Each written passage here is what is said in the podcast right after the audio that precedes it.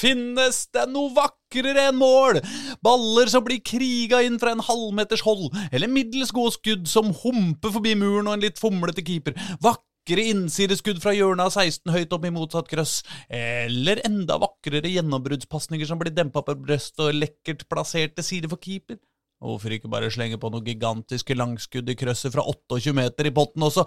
Jo da! Helgas runde i Oslo-fotballen var på en måte miserabel og kjedelig og prega av treige og tunge borteturer, men det var også så ufattelig deilig at toppserien er i gang igjen, og Vålerenga har toppskåreren, og alt er bra! Du hører på Trikkeligaen, Dagsavisens podkast om Oslo-fotball. I dag skal vi til Kringsjå og besøke Bent Inge Magic Johnsen, midtstopperbautaen fra Mosjøen som har spilt både i Bodø-Glimt og Rosenborg og Odd, men nå er hovedtrener i selveste Lyn. Men først så sitter jeg her i studio sammen med Reidar Solli og Håkon Thon. Vi må bare få snakka oss litt grann gjennom helgas kamper i Oslo-fotballen før vi reiser opp til Kringsjå. Trikkeliga.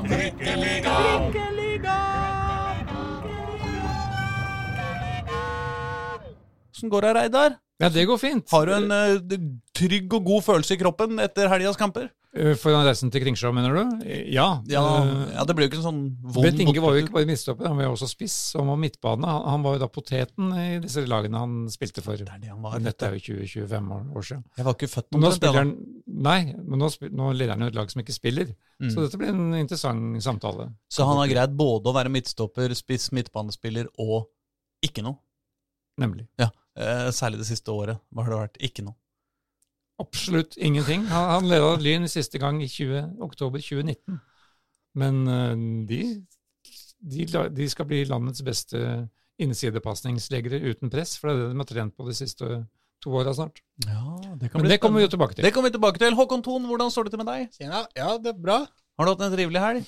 Ja, det har jeg. Har du brydd deg mest om tysk fotball i helga? Ja, det, var, ja, det har faktisk det. det, var, det internasjonal fotball gikk min vei uh, i eh, denne helga her. Ja, det gjorde Så det. det gikk litt på bekostning av noe Oslo-fotball, Uh, men uh, noe har jeg sett, da. Ja, men det er jo litt relevant hvis vi bare, hvis vi bare for Oslo-fotballen, hvis vi bare trekker strikken litt. Ja, Ja. absolutt. Greuter Fürth Ikke sant? Fürth Fyrth. rykket opp til eh, Bundesliga. Andreplass i Sveite Bundesliga. Det er Unnskyld å si det, men det høres ut som et middels legemiddelmedisinprodusentselskap. Altså. Hva syns du da om tredjeligaen? Dritteliga? Så det ikke Nei, nå tenkte jeg på laget Greuter Ja. Det høres ut som en vaksine. Ja, Et vi, vi har fått så mange nye Ja, morsomme Vi vaksiner. advarer eh, Folkehelseinstituttet av, advarer kraftig mot Greuter Ja, Håvard Nilsen, da. Opp i Bundesliga med, Yes. med legemiddelklubben Mm. sin. Og det er jo en av Oslos eh, beste mannlige fotballspillere, på en måte.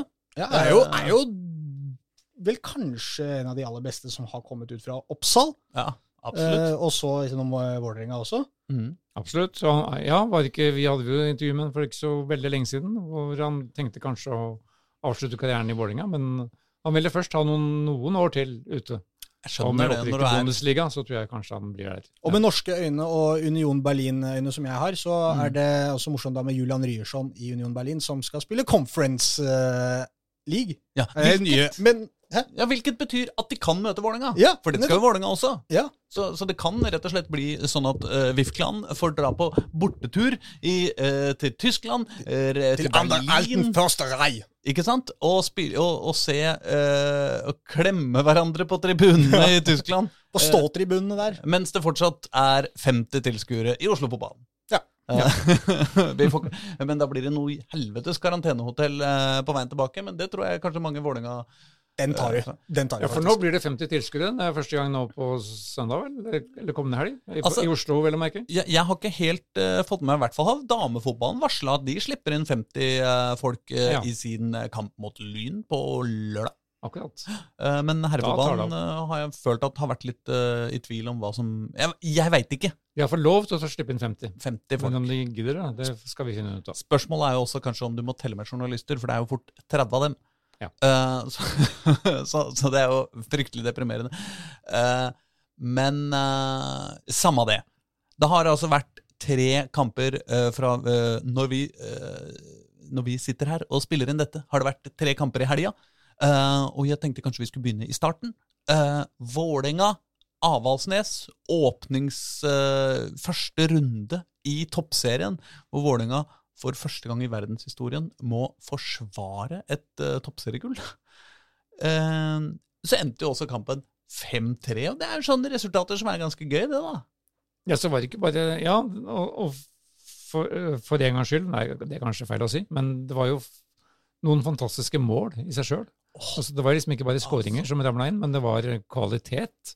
Både i oppspill og i avslutninger. Det var, det var morsomt å se. Altså, fantastiske skåringer på rekke og rad. Altså, I hvert fall tre av de Vålerenga-skåringene kan lett være i diskusjon for Altså, altså, tre av de kan lett være i diskusjon for rundens mål. Uh, I hvert fall én av dem kan, uh, kan, være med å diskutere på slutten av året, tror jeg. Altså, på, altså uh, Dejana Stefanovic, som åpna dette ballet med mm. altså, et skudd fra Jeg tror det må ha vært nesten 30 meter. altså. I hvert fall så det sånn ut for meg. Eh, ikke helt oppe i krøsset, men, eh, men eh, såpass langt ut på sida og høyt, og ikke minst hardt. Bjørge Lillelien spurte vel om det en en gang da Alsen skåra. Var det 100, 100 meter til Drillo? Det var, fem, det var 25. Ja. Men ja, jeg tror det var 25. Men, men som Eli Landsem eh, sa i intervjuet vårt med henne, den, den, hun som er sportssjef i Vålerenga og eh, legende i, i damefotballen, det blir jo noen meter lengre for hvert år som går. Ja, det er logisk. Og det syns jeg at Dejana Stefanovic har fortjent uh, etter det målet der. Ja. Men altså, så kom andre målet, som altså var en briljant gjennombruddspasning som Celine Biseth tar ned på brøstet og ruller forbi keeper. Altså, det var så perfekt mottak og perfekt avslutning. Og så kommer Vålerenga skudd nummer tre, som er Eh, eh, fint eh, langskudd, det også, egentlig. Eh, som går høyt og, og, velplassert og er lett å score. Nei, lett og vanskelig å stoppe. Eh, Rikke Nygaard skårte på et eh, kjempefint hodestøt. Var det ikke hun som satte den der? og så skårte jaggu Celine Biseth en til også, på tampen. Og er dermed toppskårer i toppserien. Det er ja. ja. Og, det, og den kommer også etter et glimrende angrep. Altså ja. hvor det var Ja, dette var rett og slett faktisk noe av det, Selv om du sammenligner med fjorårets seriegull mm. og cupgull, dette var noen av de fineste angrepene Vålerenga har levert. Så, så da ble dere, som, mer, ble dere litt mer som en positive, da? Gutter? Sterk kontrast til den der elendige generalprøven mot Rosenborg uka før. Absolutt. Og Avaldsnes er jo i hvert fall definert inn blant topp fem, har jeg skjønt. Ja. Så nei, dette var opptur. Er, nå ser vi positivt på livet igjen, eh, Håkon. Ja, det var det jeg lurte på. For var ikke dere litt kritiske her Veldig til eh, Vålerenga? Det var vi. Jo, og så skal det jo sies, da Blir seriegull nå, Aslak? Uh, ja, nå blir det seriegull, selvfølgelig. Er du gæren. Nei, men uh, det som var synd, var jo selvfølgelig at dette var den første kampen Oslo-fotballen hadde i, i, løpet av helga. Uh, og, så, og så ble vi jo på en måte dratt ned på bakken etterpå. Bare noen timer etterpå så spilte jo KFUM borte mot Ålesund.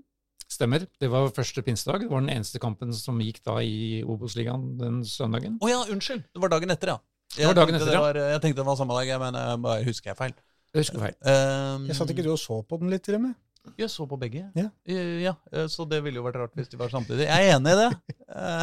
ja, Men du var jo på Intility, eh, ringside. Ja da, ja da, ja da. Det var ikke vi andre, men uh, Ålesund K5 måtte vi ta på TV. ja. Den måtte vi ta på TV. Ja. Uh, det var jo selvfølgelig litt deprimerende for oss uh, Oslo-fotballentusiaster at Nicolas Castro ikke var på eller er det Jonathan? Nei, det er Niklas. Ja, Castro, ja, Niklas, ja. Han, måtte han sona fortsatt uh, kort. Jonathan er uh, rappfetteren. Uh, jeg, er det, okay. uh, som, som, er en glimrende rapper. Ja. Uh, Jonathan Castro? Ja. ja. men han er altså fra Haugenstua, ikke fra Manglerud, som Niklas. uansett, fine folk begge to. og jeg hadde gleda meg til å se Niklas Castro spille mot K5, men det fikk jeg dessverre ikke se. Nei. Jeg fikk jo heller ikke se noe vidunder av noen fotballkamp, for å være helt ærlig.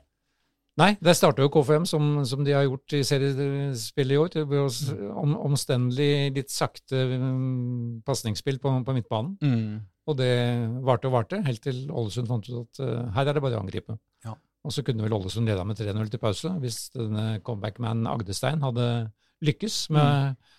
sin um, Raid og kom alene med keeper et par ganger. Men ja, altså, Knut Skjærstein viste jo da kvalitet, og redda jo KFM for et større nederlag. Ja, altså det var uh, katastrofalt dårlig uh, uh, avslutteregenskaper fra han uh, Agdestein. Er det en Oslo-fotball-link der også, eller Agdestein? Eh, Vi husker jo den forrige Agdestein, som jo tross alt eh, spilte for Lyn i mange, mange år før han fant ut at sjakk var livet. Dette har vi ikke gått i dybden på, men de ligner i hvert fall ikke på hverandre. Nei, men hvor mange familier er det som kan hete Agdestein, da? Nei, det, si det. Det er jo da sjakk-ikon Håkon Thon som hun er i ferd med å, finne ut av. Så det kommer vi sannsynligvis tilbake til. Ja. Men dette var for Agdesteins første kamp. Han var vel ute i hele fjor, det ble sagt, i Ålesund. Ja. Og f- han ble jo mer og mer fortvila, for han, han kunne jo skåra tre før pause, og satte ingen av dem. Ja. Og da tenkte man kanskje at uh, dette her går over. Men så var det jo nettopp han som avgjorde kampen da, Ja, ja. i, etter pause. Eller utligna, gjorde han ikke det, da? For det var Koffa som skåret først, var det ikke det? Nei, nei. Å nei, unnskyld. Dette var- endte 1-0 til hjemmelaget. Å ja, sånn! Ja, nå blander jeg Eh, Og K5 har eh, Herregud. Nå går jeg bare inn her for å søke opp akkurat Torbjørn Agdestein, og så er det litt morsomt når man googler dette. Det første som kommer opp, er en sak hvor det står 'Slektsforvirring for tippeligakometen'. Dette er i 2016, da. Torbjørn Agdestein er usikker på om han er i slekt med sjakklegenden Simen Agdestein eller ei. Ja, men det er bra, for jeg var usikker på eh, resultatet. Vi er usikre, vi òg. Da bør han ta en telefon snart, da. Og Ja. Få, sjek, sjekke opp. Nei, altså den Ålesund vant 1-0. Mm. Eh, K5 har skåret ett mål på sine Mm. tre første kamper, Mm. og har vist mm, også litt bristende forsvarsspill. Så den optimismen vi øste over dette laget rett før seriestart, den har bleknet noe. Mm. Men det skal jo sies at de fortsatt har sentrale folk ute, da. Men eh, Skal jeg- eh, Bilal Njie da inn i annen omgang nå, det var jo positivt. Daniel Fredheim, Fredheim Holm har vi ikke sett siden han eh, spilte første treningskampen. Hvor er det blitt av han? Mm. Eh, David Tavakoli starter jo ingen kamper. Eh, spørsmålet som Jørgen Isnes begynner å bli lei av, hvem skal skåre målene for K5, det gjelder jo, henger fortsatt i lufta.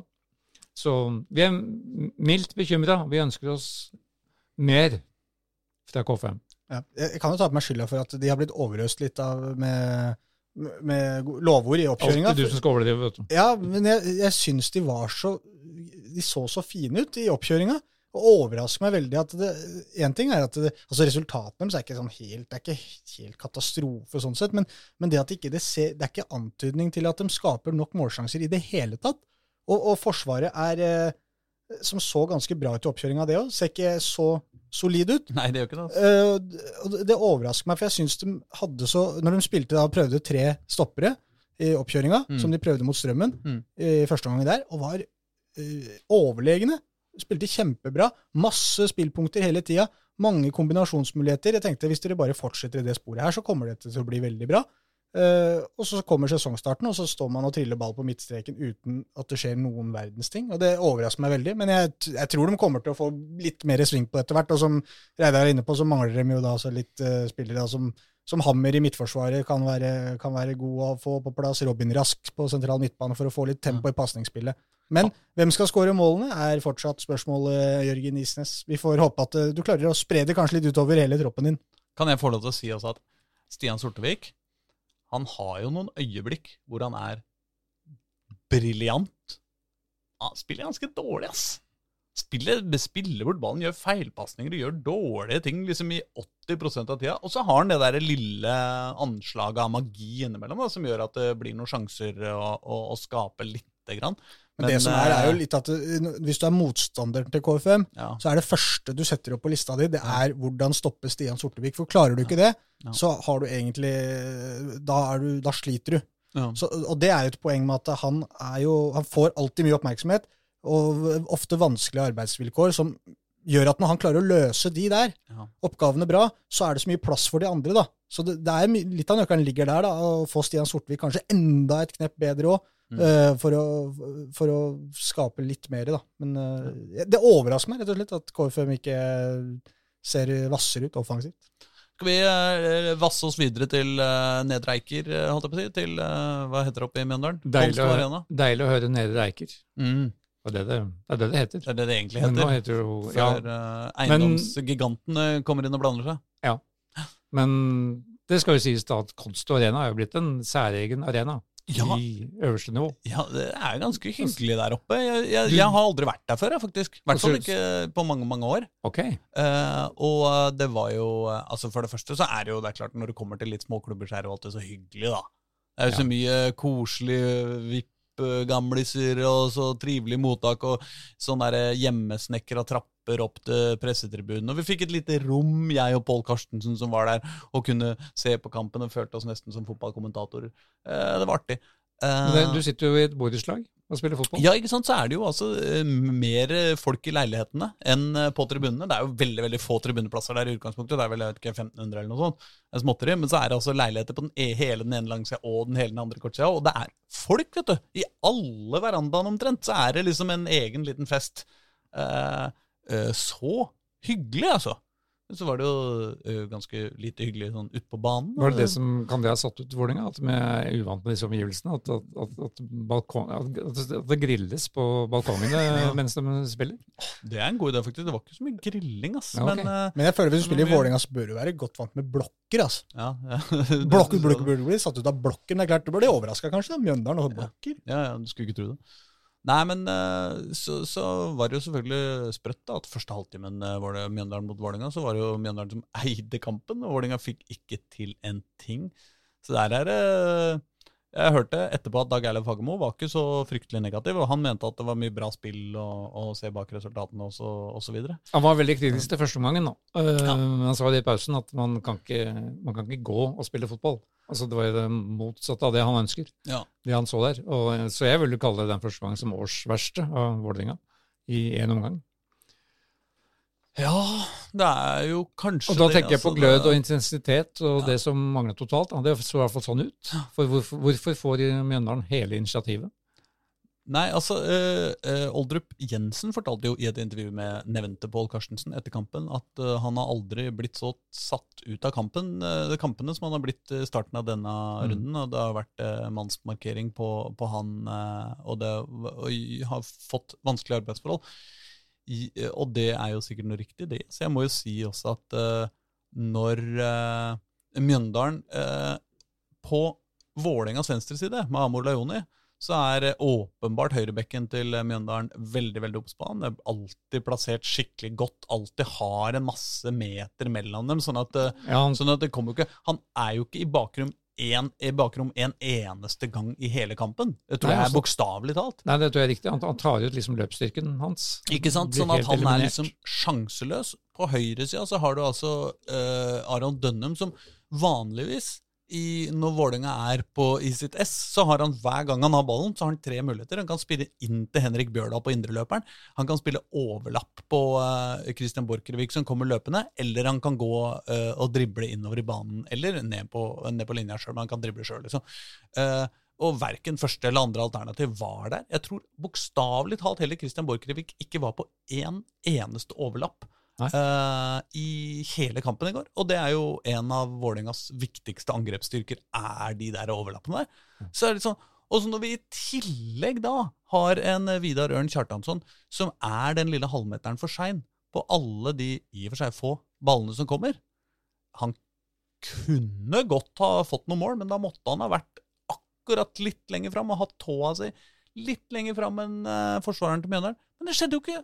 Han får det ikke til. Han er, er Man skal ikke drive og sutre om måltørke fordi at den eh, spissen du veit er god, eh, ikke har uh, skåra mer enn ett mål på, på fire kamper. Men likevel, ass. Han, eh, det, det kjennes ikke ut som det er nære på heller. Han er rett og slett akkurat de der ti prosentene bak eh, der Ja, det enig, altså- virker som, altså. Fikk hun heller ikke mange muligheter i går. Vålerenga har vel også sjelden skapt så lite som de gjorde, i hvert fall i første omgangen. Eh, Ja, Men det bare det er ser jo ikke ut som en mulighet når Kjartansson kommer en halvmeter for langt bak. Nei. For da er han jo ikke der. Ikke sant? Men hvis han hadde vært en halvmeter lang fram, så, det, så, så var det et par-tre baller da, som man godt kunne ha satt. I tillegg så er det sånn at det målet Vålerenga til slutt skårer og utligner Mjøndalens 1-0-ledelse, det er jo også den ene gangen i kampen Aron Dønnum gjør noe bra. Jeg, ja, nå er jeg kanskje slem, altså, men, eh, men Nei, og, og, eh, da det går var litt jo, sånn. og, og da går han til linja og til høyre istedenfor innover til venstre. Ja, Altså, men, da- men det gjør han jo en del også. Ja, altså. ja. Så han, han går til linja, og det er bra gjort av Aron Dønnum. Han dribler uh, bekken sin skikkelig på ræva, spiller ball inn, og der står altså både uh, Lajoni og Kjartansson, og ingen av dem greier å fomle ballen uh, over mål. Men så heldigvis så kommer det gode, gamle Jonathan Tollås Nation inn der og dytter den ballen inn eh, til slutt. Og det er jo litt sånn Ja, altså, det var veldig, veldig hyggelig med mål. Ja. Men, eh, men eh, Jeg føler jo også litt av det når du ser, når du ser Dønnum. Jeg syns jo ikke egentlig at han var så, så fryktelig dårlig, men, jeg, men som du var inne på her òg, vanligvis har han ganske mange alternativer. Det skjedde jo fryktelig lite rundt han hele tida. Mm. Altså, han har jo tidvis at drar nå av en spiller. Han skaper den der ubalansen, men han får ikke brukt det til noen verdens ting. Han, han, han drar seg fri fra oppasseren sin, og så er det fortsatt en ganske tjukk, brun mur foran han. Så det er ikke noe enkel jobb å skulle fortsette å drible seg innover. Da trenger han eh, i hvert fall hjelp av lagkameratene til å få åpna opp og få noen rom hvis han skal fortsette å drible mer. Mm. Men når vi først snakker om også Aron Dunham, så er det en fyr som jeg syns er vanskelig noen ganger å vite om jeg liker eller ikke. Det er liksom så mye med han som jeg ikke liker, på en måte. Og så er det samtidig så mye, spesielt som fotballspiller, som jeg elsker vi han. Og en ting som jeg håper veldig, er at han får mye straffespark. Fordi han har en så enormt god evne til å stå på beina. Han hadde et raid i går òg, Mm. hvor jeg tenkte nå må du falle. Så kanskje det var et straffespark. Men han står på beina, kommer seg ned til dørlinja, opp igjen. Han kjemper og sliter og ispedd masse deilig teknikk. Mm. Så det, jeg håper at dommerne gir noe straffespark, selv om han ikke faller. Mm. For det, det er så sjeldent å se en sånn type spiller nå, som har den viljen til å stå på beina.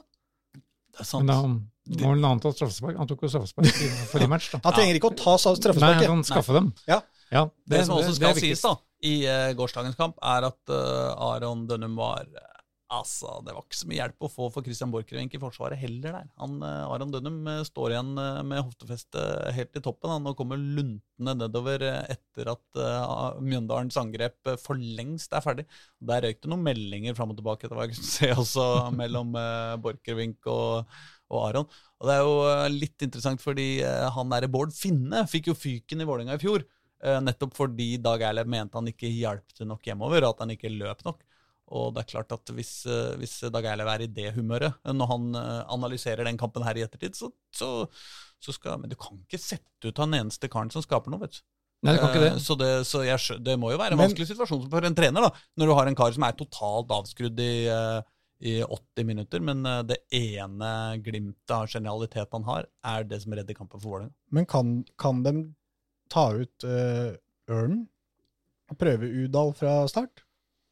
De kan gjøre hva de vil. Ja, men hva Og- og- syns og- og- Jeg skjønner at de kan det rent teknisk, men Ja. syns vi at eh, Eller hadde det vært en idé? Å prøve det nå? Eller blir det liksom Er man for glad i uh, Det er det som sies, da, så er Ørnen veldig god på trening og, f- og setter mål der. Og, og er jo bedre trent, ifølge Fagermo, enn noen gang tidligere i hans karriere. Og det som også er litt uh, verdt å, å ha i bakhuet, er jo at uh, Dag Eilev er jo en uh, fyr som nesten har uttalt linje på å ikke ha en plan B. Ja, Altså Det er veldig lett å se for seg plan B her. Ikke ja sant? er men det sa, han, det sa han vel til oss, at jeg har ingen plan B. Jeg vil ikke ha noen plan B. Men hadde det ikke vært interessant å prøve Ja, ja, La oss si kanskje Aron Dønnum og Amor Lajoni skulle bytta plass. Mm. Ikke sant? Se, hvordan, se hvilke, hva, hvilke ubalanse ville det skapt om du plutselig hadde en rask en på høyresida og en driblesterk en på venstresida. Hva med Sidi Jatta, som så kjempespennende ut? Ung, eh, lovende, rask og sterk. Og i og for seg målfarlig også. Eh, Ving, eh, eller kanskje spiss. Eh, hva, hva med å prøve, la han prøve seg? Eh, Henrik Udal, som skårte 378 mål i Obos-ligaen i fjor. Mm. Eh, omtrent. Jeg tror det var Ja, rundt, han var jo- ble rundt toppskårer, der eller noe. 79, kanskje. Ja. Det ble 19, 19 tror jeg det var. Ja. Hvis vi skal ha det presist. Eh, hva med å dytte inn han istedenfor uh, noen? Det er masse plan B, eh, plan B-muligheter her. Men eh, Dag Eilev er en eh, plan A-mann. Eh, det, og det, det funka jo bra for han i fjor når han uh, insisterte på å holde Kristoffer Claesson i mål, sjøl om halve Norge, inkludert Dagsavisa, uh, maste om at eh, eh, kanskje Kjetil Haug skulle få prøve seg. Da gjelder det bare Glem det! Kristoffer Claesson skal stå, han er best. Ferdig diskutert. Men det er jo det som er faren når man er så prinsippfast og bastant òg, da. Når det funker, så blir, blir det jo Da er du et geni, da. Ja, ja. Eh, Når det ikke fungerer, så virker du bare som en stabukk. Mm. Ikke sant? Det er jo to, to veldig forskjellige ting. Du, du, du, er så avhengig av at du lykkes med det. Da. Men jeg, jeg skjønner jo hvis Vidar Ørn Kjartasson er kjempegod på trening, at det, det er klart at han skal Man vil jo gjerne bruke de som er best trent, og som virker som er i form, og som er gode på trening. Mm. Jeg skjønner det. Jeg bare sånn Fra utsida så tenker jeg liksom Du har toppskåreren fra førstedivisjon forrige sesong. Eh, kanskje prøvd den fra start en kamp, da. Ja, det, det, det, Så var det vel en liten bekymringsmelding da Ivan Nesberg måtte halte, halte av banen i går. Jeg vet ikke hvor ille det var. jeg vet ikke, jeg heller. Eh, nei, så det blir jo spennende nå. i og med at de Nå har jo tre kamper på en uke. Så Han- Han så frisk og fin ut da han rett etter kampslutt øh, gikk og satte seg i spillebussen en halvtime før den skulle kjøre. Jeg vet okay. ikke, Kanskje han hadde en avtale med Netflix eller et eller annet. det kan hende. Eh, men jeg har ikke hørt meg ennå, i hvert fall. Nei. Men dere, jeg syns nesten vi skal dra til Kringsjø. Eh, Hvilken T-bane er det vi tar da? Er det nummer fem, det? det er sånn, Nei, tre. Det er ikke tre. ja. Tre, Sognsvann, det. Det var i hvert fall det før. Ja. Jeg er fra Mortensrud. Det var tre Mortensrud som gikk hele veien til Sognsvann. Ja, ok. Ja, men det står for Sognsvann på, for, foran på T-banen. ja, jeg tør ikke skal- kjøre bil eh, opp dit lenger, for jeg bulka forrige gang jeg var der, og det var jævlig flaut. Og så skal vi av på Kringsjå, som er nest siste holdeplass. Og Da kommer vi til, altså til en klubb og et lynlag som ikke har, ikke har de kamper, ikke, har- ikke har de treningskamper, ikke har de fullverdige treninger. Men de har Bent Inge Johnsen, som har spilt Mesterligaen i 26 eller 27 ganger for Rosenborg. Så han har vel litt å by på, kanskje. Neste stasjon er Kringsjå. Men du, eh, hvis du er interessert i å lese noen nyhetsartikler om uh, Oslo-fotball, så kan du bare gå inn på www.trikkeligaen.no. Der finner du Nei, alt vi skriver. er det sant? Det er sant! Nei! Ja, Slik er det blitt. Helt egen adresse. Kan gå inn på Facebooken vår også. Der også legger vi alle sakene våre. Ja, det er sant! Det Ja. kan du gjøre også. Jeg kan gå på Twitter og allting. Twitter også. Men jeg bare synes det var så hyggelig at du kan bare gå inn på trikkeligaen.no. Så Dette, skal jeg rett inn og sjekke, faktisk, for dette tror jeg ikke noe på Nei. før jeg ser det. Du, må, du mangler tiltro til meg, HK2. Ja, det gjør jeg. Ses på Kringsjå. Det gjør vi.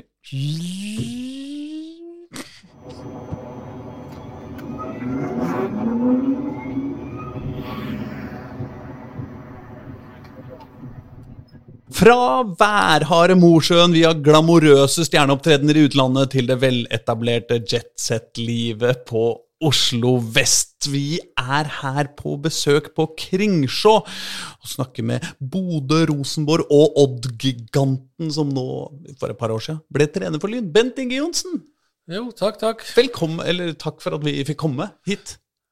Takk for at dere kom. Har du det fint? Ja da, vi trives bra her. Ja. Det er jo eh, litt ruskete vær, men det er jo, eh, vi sitter her på den store gjenåpningsdagen i Oslo. Det er jo dag man eh, kan begynne å drikke alkohol og eh, gå til frisør Nei, det kunne man gjøre. Man kan trene på treningssentre, en masse, masse ting. Er det en ekstra glød i, i, i Lyn i dag?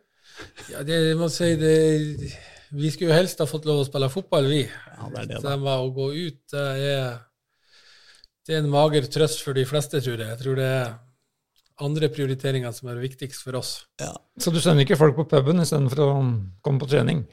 Selv om de da faktisk kan det fra i dag. Nei, jeg håper jo de kommer innom treninga først, iallfall. Men det må være greit. Ja. Du kan, ikke være, du kan ikke sitte her og øh, snakke med folk som ikke har spilt fotball på et år, og si nei, dere får ikke lov til å gå på puben øh, i dag.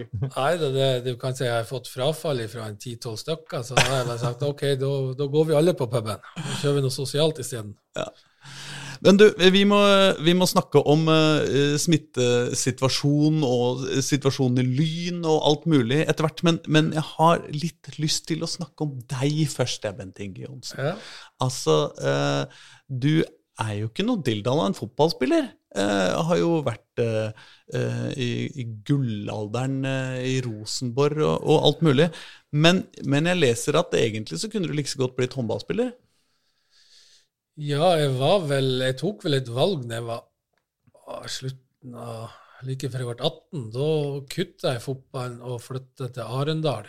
Når det var sånn storsatsing der, det som er øy for Arendal nå, heter Øyestad da. Altså Da reiste du fra Mosjøen til, til Arendal for å spille håndball? Ja, så jeg var, jeg var jo juniorlandslagsspiller, og jeg flytta dit og bodde vel der i åtte måneder, tror jeg det var. Så fant jeg ut at det ble veldig langt hjem, Ja. og så savner jeg fotballen litt. Mm. Og da var det jo sånn Det er jo det som er med fotballivet, det er mye tilfeldigheter. sant? Så for jeg hjem, og så begynte jeg å spille fotball igjen. Og så spiller vi en oppvisningskamp mot Glimt, og da tror jeg vi tapte 12 12-1. Hvem, hvem er vi? Mosjøen. Ja, ok. Og så skåra jeg målet, og så ble det vel bedt opp til Glimt ei uke på treningsprøve, da. Var, du, var du spiss? Ja. Ja. Da var jeg spiss. Jeg ble jo henta dit som spiss eh, i utgangspunktet, så jeg var vel da de to, to og en halv sesong Mm. før alle stopperne ble skada i en periode. Og da måtte du steppe opp eller ned, eller hva man skal kalle det? da måtte du steppe stepp ned og, og bidra der, og da ble jeg varende der i noen år. Men bare før vi for, Altså, den kampen, Ja. Uh, fortell om den. Altså, du, dere spiller Er det liksom din første Eller er det, føltes det liksom som en sånn eh, 'dette er sjansen din'-aktig kamp, eller hva? Nei, jeg tror det er det som har vært litt av saken min, at jeg har vært veldig sånn avslappa til jeg aldri følt at det er nå eller aldri. Mm. Jeg tror det viktigste er at du tør å prøve på det du vet du er god på. Eh, Det tror jeg er den største hindringa til folk, og det var det jeg gjorde. Jeg spiller som jeg spiller når vi spiller mot andre tradisjonslag. Mm. Så, så jeg tror det er det som er litt av at man klarer å gi litt F uh, for å få vist seg fram. Men husker du målet? Nei. Nei. Det husker jeg ikke. Det var ikke sånn eh, du dribla 40 mann og skårte fra 30 meter? Nei, ikke sånn som jeg husker det, men vi, historien blir jo bedre hvis det var sånn. Så vi, vi, kan jo, vi kan jo si det. Men betyr det at du, du, du liksom setter deg i garderoben etter et 12-1-tap og tenker ja, skåret nå i hvert fall målet? Liksom, for oss var det jo så stort å få Glimt det året der var jo suveren i det som er Obos-ligaen nå. Mm. og bare feide gjennom eh, Obos etter å ha røkt opp fra andredivisjon. Så det var liksom så stort for oss å bare få lov å spille, mot de at det var, det var ikke noe sånt at oi, nå deppa vi, vi tapte 12-1. Nei, nei. Var det stjerner på laget og sånn som du liksom Ja, det var jo Rune Berg har man jo hørt om siden han var, kunne gå, så det var, men det var ikke noe sånn det var Han, mye han har til og med spilt her. Ja, han var jo her i Og jeg var jo på tur faktisk hit òg et år, Ja, når Runar var her. ok. Så Nei, det, det, det er mye tilfeldigheter, som sagt. mm. Er, Altså, du var aktuell for å komme til Lyn da på slutten av 90-tallet en ja, når jeg gikk ifra Rosenborg, så var jeg i møte med Ole Rai. Ok. Uh, jeg valgte vel å fære Jeg hadde tilbud ifra det som nå er Red Bull Salzburg. Mm Oi. Eh, da, så der hadde jeg kontrakt, og alt lå klart. Og så var det snakk om å prøvespille i 1860. Og Lyn trakk tilbudet hvis jeg prøvespiller der, og to norske klubber til hvis jeg for dit. Odd var vel eneste klubben som sa drar dit og prøvespiller. Hvis det ikke blir, så kommer du til oss. Altså, Ok. eh, eh, altså, nå håper vi jo litt i tid her, men likevel dette, altså, Du hadde tilbud fra Red Bull Salzburg og valgte Odd. Ja, men det var ikke så Økonomisk så var det ikke noe sånn kjempelukrativt. og Jeg hadde to, to små barn. Ja.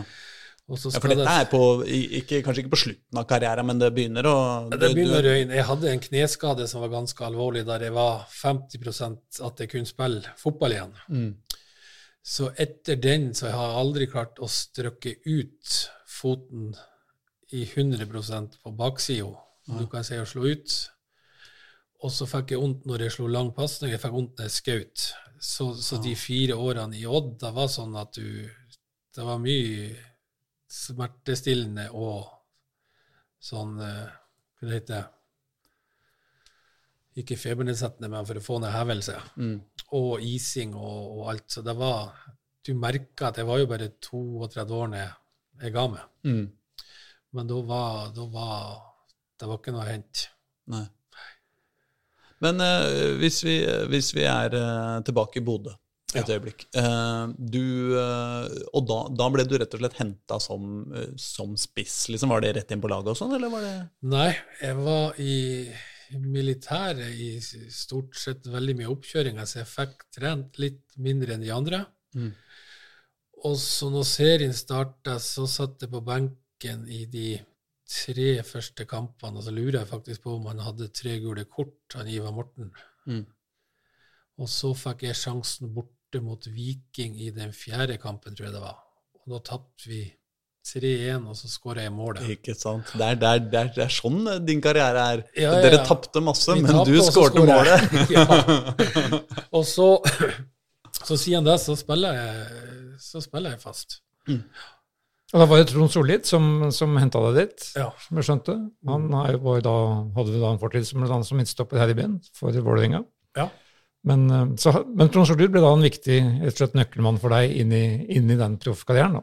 Ja, du kan si det var han som henta meg til, til Bodø-Glimt, og det var han som henta meg til Rosenborg for å, å erstatte Hoftun, som da var på tur til Napoli, tror jeg det var. Så han henta deg først som spiss, og så som midtstopper. Ja. Ja. så, det, Så du skulle erstatte Erik Hoftun, ja.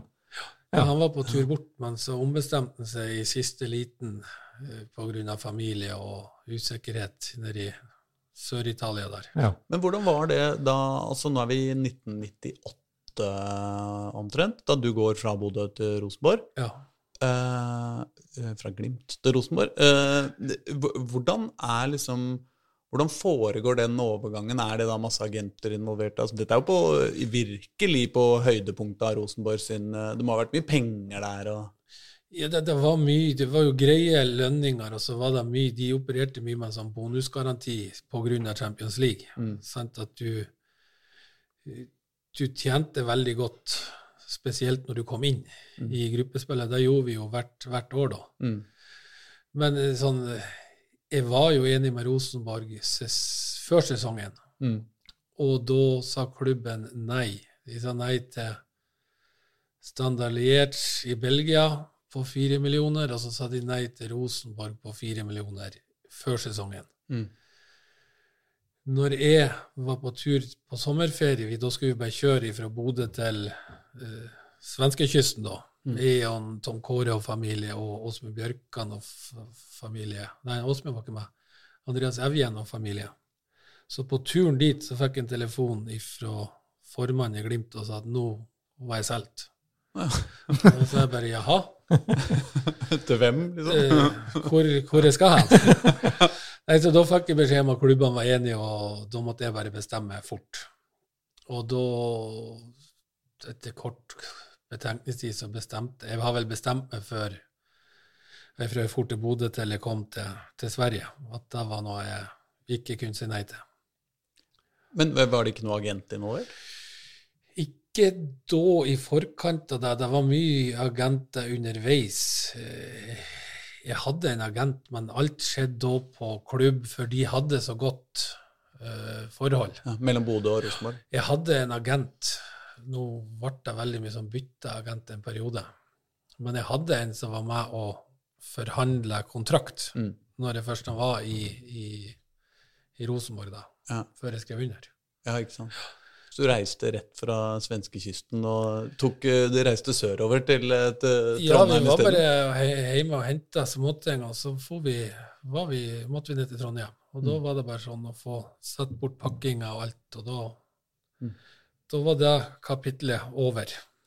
Er det, det er et helt nytt liv eller, når, fra Bodø til Rosenborg, eller er det en, bare Sånn, sånn Fotballmessig så er det veldig mye likt. De var, de, de var så beslekta med Trond Solli, som har vært i Rosenborg i alle år, bortsett fra noen få i, i Vålerenga. Så kom han opp og tok med seg hele tankesettet, spillestil og, osv. så videre. Så det var mye likt, men nivået var jo mye høyere når du kom til Rosenborg på den tida. Du, vi hadde vel Vi kunne ha tatt seriegull i 93, førsesesongen vår. Da leda vi nesten hele sesongen. Og så tapte vi tre runder før slutt, 2-1 hjemme mot Rosenborg. Mm. Og jeg husker det var tippekamp på 11 000 på Aspmyra. Så da har vi fått uavgjort eller vunnet der, så tror jeg vi har fått seriegullet det året. Mm. Men vi vant jo cupen det samme året, da. Så vi kom som nummer to i serien og vant cupen. Ja, for du må jo ha litt detaljer om den cupfinalen da i 1992. Ja, 93. 93, mener jeg. Ja, det var jo Strømsgodset. Vi vant 2 2-0, og da skåra jeg jo først, først målet. Ja. Og da var jeg litt inne på det der en ekstremt dårlige intervjuobjektet er. Alle spørsmålene ble stilt etter kampen. Så klarte jeg svare det utrolige. Ja, det er helt utrolig. Så uansett hva de spurte om på TV-intervjuet, så sa jeg ja, det er helt utrolig. Det er helt utrolig. Så jeg ble bare kalle det helt utrolig i et år etterpå. Ok. Ja, Det høres helt utrolig ut. Ja, ja, ja. Så det var, det var det som kom ut. Hvordan var skåringen? Det var en eh, Det var faktisk på Thomas André som var trener her før meg nå. Ja. Thomas André Ødegaard. Han sto jo for godset da, så det var egentlig sånn litt tversoverpasning fra Runar ifra Jeg fikk han vel på utsida av 16-meteren og plasserer han bare nede til venstre for meg og høyre for keeper. Ikke hardt, men greit plassert. Pasning i mål, det er veldig elegant, da. Ja, det, kan, det var mer pasning i mål enn skudd, for det Ja. var, ikke, var ikke veldig hardt. Nei? Men den gikk inn. Som fotballsupporter så er det jo altså de spissene som er i stand til å bare I sånne situasjoner på 17-18 meter hvor du veit det skal skåres, Ja, ja. og faktisk greie å skåre de. Det er jo ikke så mange som får til det. Nei, det, så var det liksom, jeg, jeg var jo ikke en spiss som skåra Jeg skåra vel fire skåringer i serien i 93 og fire i 94. Mm. Så jeg var jo mye mer en sånn eh, det du kaller en sånn feilvendt spiss, som Mm. fikk mye oppspill og, og holdt på ballen og spilte andre gjennom. Så jeg var jo ikke noe sånn utprega sånn goalgetter, men eh, akkurat da så var det klart man holder hold roen og plasserer isteden. Ja, for det, de bildene jeg har av deg i huet, er litt sånn møtende spissrolle hele tida. Ja, ja. Ryggen mot mål. Nei, det var, var ofte det. Og Ja. er jeg jo, jeg er jo 1,90, men jeg var jo aldri sånn kjempegod hodespiller sånn sett. Det var mer, det var bedre med beina. Mm. Men for oss som aldri har opplevd eh, å skåre mål på Ullevål stadion som avgjør en cupfinale eh, det, det, var, det var helt utrolig. Det var, det var helt utrolig. Nei, men liksom eh, Er du da sånn eh, Nå skal jeg Hvor løper du? Liksom? Løper du til fansen? Løper du til treneren? Løper du til han som la pasninga? Det, du, det er et godt spørsmål, for jeg tror ikke man tenker så mye etterpå. For jeg, jeg tror hvis det er en enkeltkamp i Norge som du vil skåre mål, og du vil vinne, så er det en cupfinale der det er fullt på Ullevål. Det er alt der rundt. Det, det, det blir så stort, selve finalen, at eh, Så det er klart, du, du takker jo selvfølgelig Runar som Men akkurat når du skårer, så, så mister man det bare. Og, og du, du sprenger jo mot supportere og, og sånne ting, tror jeg. Mm. Jeg kan ikke huske jeg tenkte. Nei. Men eh, jeg vet at det, verken lag eller jeg gjorde en kjempegod kamp, så jeg tror det er bare den forløsende skåringa løfta veldig mye sånn fra, fra skuldra mine, da, Mm. etter en eh, litt mindre dårlig kamp. Ingen som husker prestasjonen i en cupfinale. Nei, nei, de snakka jo om, om gullet og hvem som skåra, så det, det er jo det de husker. Og nå har det gått så lang tid at det er jo ingen som husker hvem som var god i den finalen, eller ikke. Men vi, vi var fullt fortjent, det, det var det uansett. Ikke sant? Du angrer vel antagelig ikke på valget, da, at du valgte fotball fremfor håndball? Nei, det, det har jeg aldri gjort. Du kan si de, de jeg spiller sammen med på det juniorlandslaget som Det var jo Glenn Solberg og Preben Vildalen og de her, Steinar Ege. Mm. Så det var jo de som i ettertid løfta norsk håndballstatus til et nytt nivå. Ja. Mm. Så sånn sett, men, men jeg har aldri angra. Det, det var rett for meg, og det var det jeg hadde mest lyst til. Hva er morsommere med fotball enn håndball? Det er interessen Jeg, jeg syns det Du kan si jeg var bedre i håndball i forhold til de rundt meg enn jeg var i fotball. Ja, akkurat.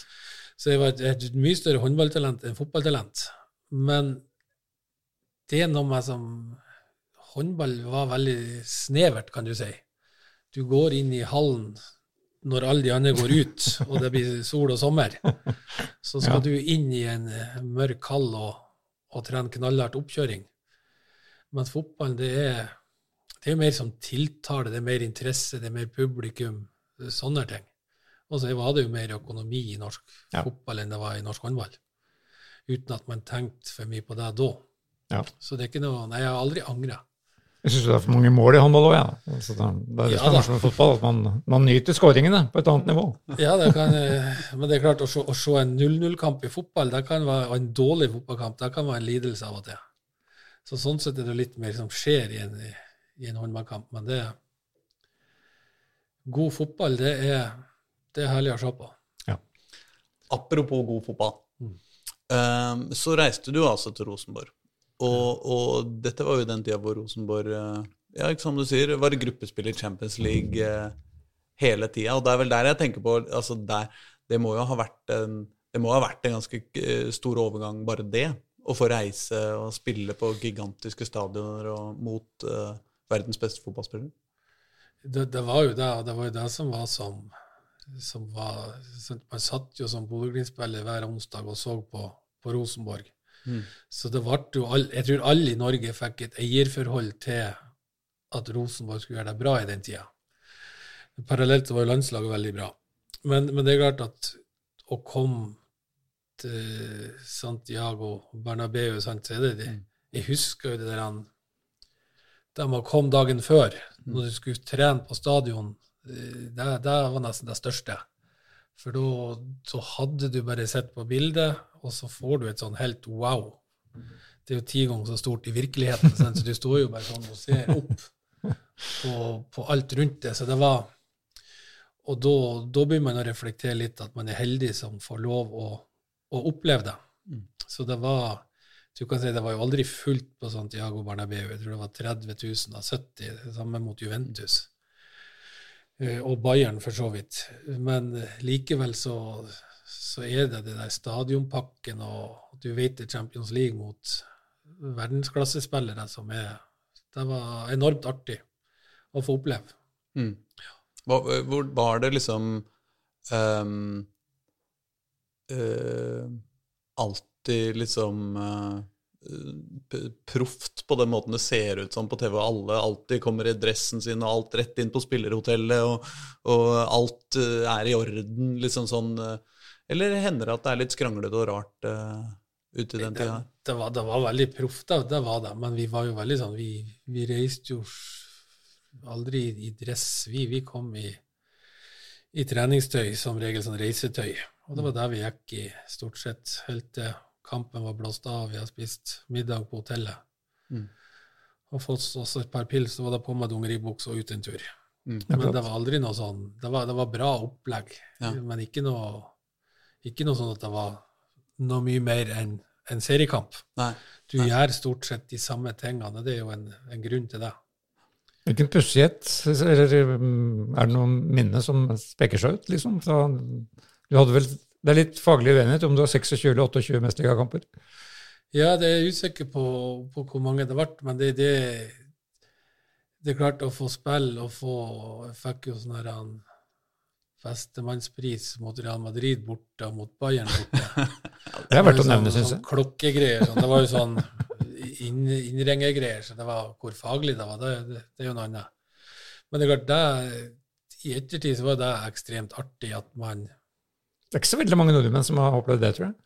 Nei, sant, så det var, det var Det er jo ting som man har Som man husker, og, og at man klarte å prestere i de kampene, at man liksom ikke falt igjennom. For det var jo ofte det som ble brukt mot, mot meg og Hoftun, at vi var begge litt for trege Mm. og litt for like til å spille sammen. Så men sånn Begge var jo veldig gode med ball. Og ingen var superrask, men eh, det var Du kan skjule mye hvis du klarer å plassere det rett. Ja. Så det er sånn, Jeg hadde jo Ja. et løpesett òg som gjorde at jeg så treg ut. Så jeg var, jeg var bestandig raskere enn det ser ut. ja, men det er smart. Så jeg var blant de fem raskeste i nesten alle klubbene jeg var i, på tester. Okay. Ja. Men dette deler du jo eh, f.eks. med eh, ja, Sander Berge ser jo mye treigere ut enn han er. Eh, For ikke å snakke om din eh, vel kollega i, i Rosenborg etter hvert, Jon Carew. Ja, ja, ja. Han var jo ekstremt hurtig. Ja, men han ser jo ikke så rask ut hvis du ser en elg rundt der. Nei, sånn, sånn løp, løpesett, vet du, så, er det, så hadde vi et løpesett som ikke Det, det, det så ikke så raskt ut. Mm. Og det er jo Makarev òg. Han ser jo veldig sånn eh, keitete ut, men det går Det gikk utrolig fort Makarev. Og i tillegg så var han jo som en, bjørn Ja. Mm. utpå der. Så det var en eh, god, god spiller, vanskelig spiller å spille mot. Men har du skåra noen mål som du husker fra ute i Europa? Nei, jeg skårer ingen. Jeg spiller stort sett stopper. Mm. Da spiller jeg vel en del back i slutten. Jeg husker jeg hadde stolpeskudd mot Dynamo Kiev. Da hadde jeg faktisk Da husker jeg så kampen i opptak etterpå. Da husker jeg det var Vidar Davidsen og han Knut Theo Gleditsch Mm. som var, var kommentator. Og han Gleditsch Jeg tror han likte meg, for jeg fikk bestandig mye skryt av han. Mm. fikk jeg høre i ettertid. Men da var han liksom sånn, da sa han at nei, Så hadde jeg ett stolpeskudd, ett skudd like utfor, og så var jeg overalt på banen. Langs sida. Mm. Og da sier han at Johnsen har vært helt utrolig de første ti. Har spilt til ti på børsen, og så sier han eh, Gleditsch da etterpå ja, minst.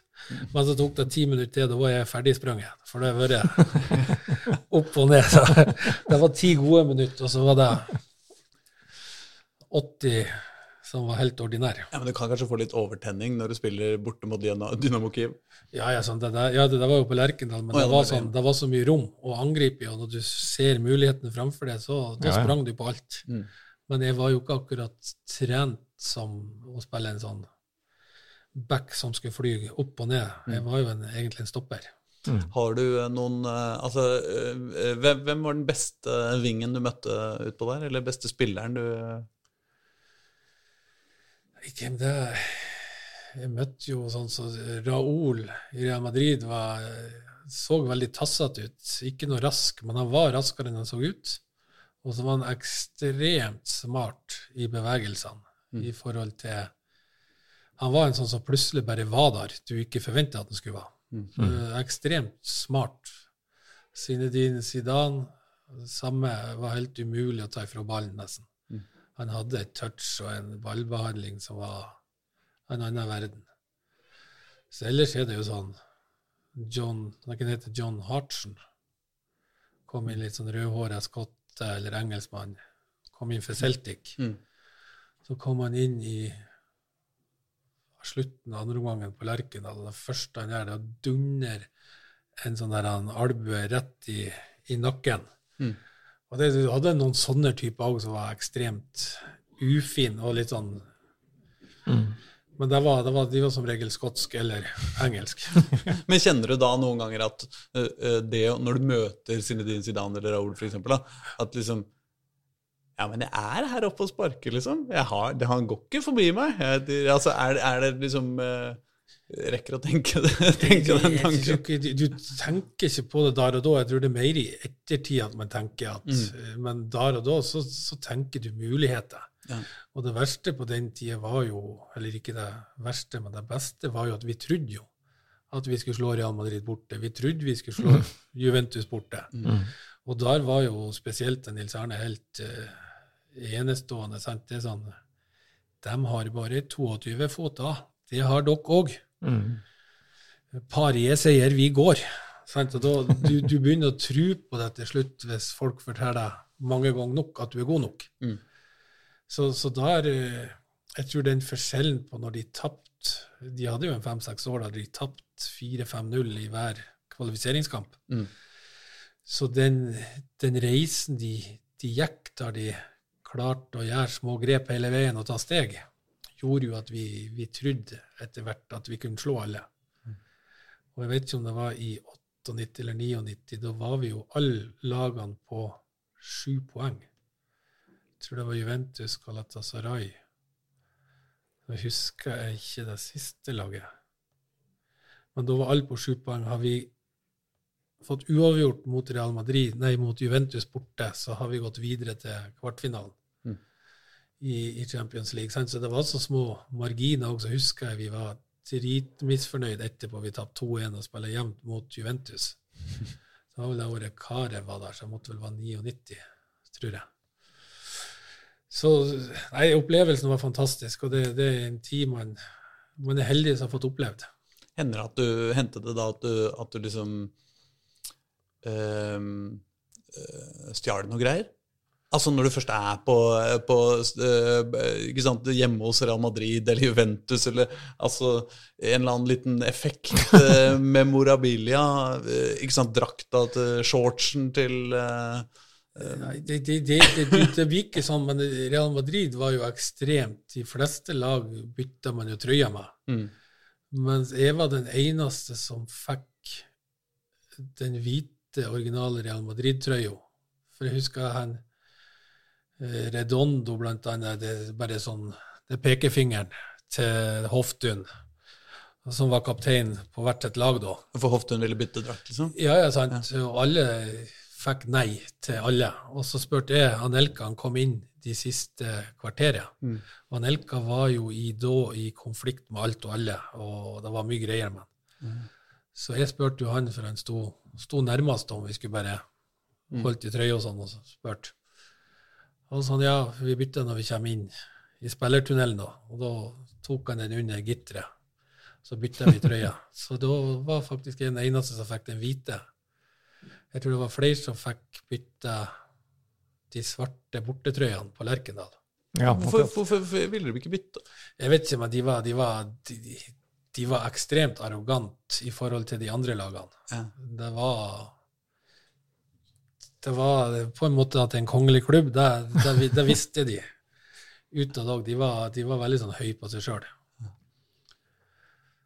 Så nei da, det var Så sånne Og enkelte kamper jeg husker vi tapte 7-2 mot Paris Saint-Germain. Da blant annet spurte jeg ikke om å bytte trøye. Fordi det bare er så flaut, liksom? Altså, at hvis, hvis, da, da- har man drept seg ut på banen, og står man da og skal begynne å bytte trøye, så tenker jeg at da er det så dårlig signal til absolutt alle som både ser på Så da er det bare å gå og skjemmes i garderoben. Ja, ok, så, så det bør ligge en liten prestasjon bak før man eh, bør Ja, sånn, trøyebytter? i, i enkelte kamper så bytter jeg, enkelte andre kamper så bytter jeg ikke. og Det kommer an på hvordan Hvis du skjemmes og er misfornøyd med deg sjøl, så blir det litt patetisk å gå og sprenge bort og skal bytte, bytte trøye etter kamp. Ja. Men det hadde vært stas for guttungen å ha Zinedine Zidane-trøya eh, ekte på, på veggen likevel. Ja, ja, sånn som nå, det har vært bedre. Nå har jeg jo Conte og han, han stopperen Fer, Ferrari Nei, Mm. jeg husker ikke hva den heter. Men Conte sin fikk jeg jo, men det, det har vært litt mer stas å ha hatt Zinedine sin, ja. Ja, særlig nå. Så i ettertid så kan det det kan jo godt hende jeg angrer på at man ikke spurte oftere. Det har vært artig å ha nå, når man sitter litt overvektig og begynner å bli grå, grå i håret.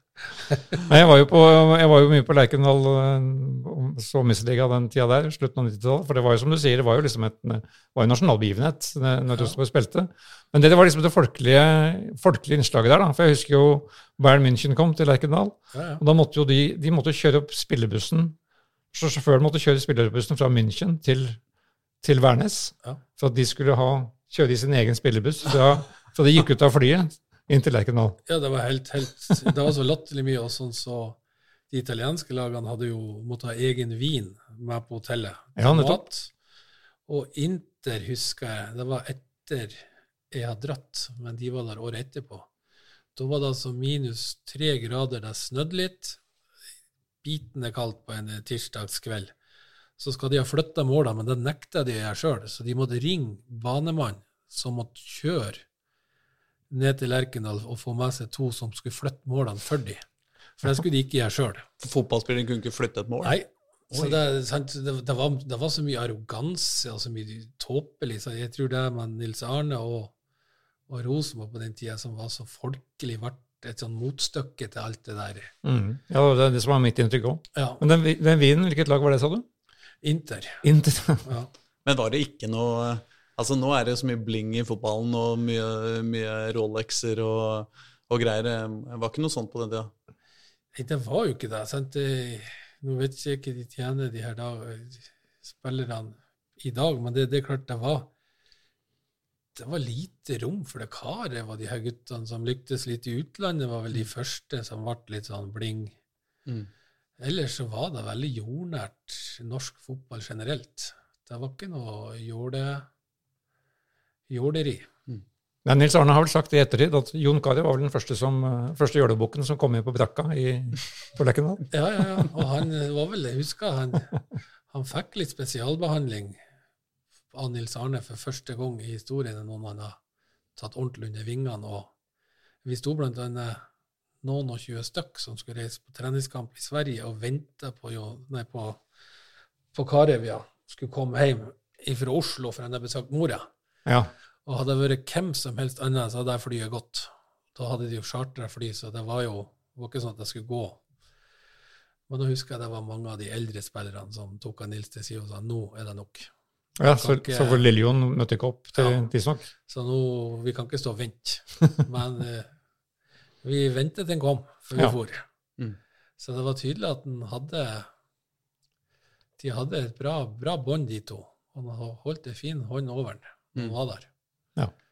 Men Syns dere det var irriterende, liksom?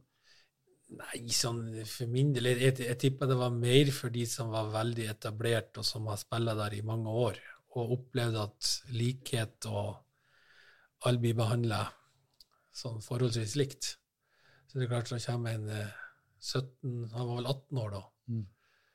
Eh, Distré og litt for seint til mange treninger. og Ikke for at det var en image, men for han var jo en litt distré ung herremann han kom. Mm. Så, men det, det gikk seg noe til, det òg. Litt sånn tidligere Lynspiller Simen Agdestein antagelig, som uh, satt i garderoben og han, et, etter trenerens siste peptalk, Ja, ja. så spurte han gjerne hvem er det vi skal møte i dag, forresten. ja. Det finnes jo noen av de. Ja. Eh, Vi må, vi må komme oss videre.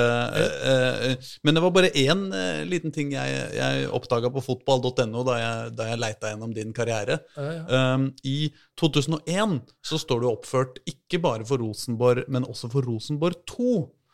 Uh, der har du null kamper, null mål, men to gule kort. Det er godt gjort. jeg syns det er veldig imponerende. Det må jo nesten være en slags rekord. Ja, da, er du, da er du i tilfelle en ufin spilletype, kan du si. Ja, Kanskje du har sittet på benken og kjefta noe fryktelig, eller noe sånt? Nei, det har jeg heller ikke gjort.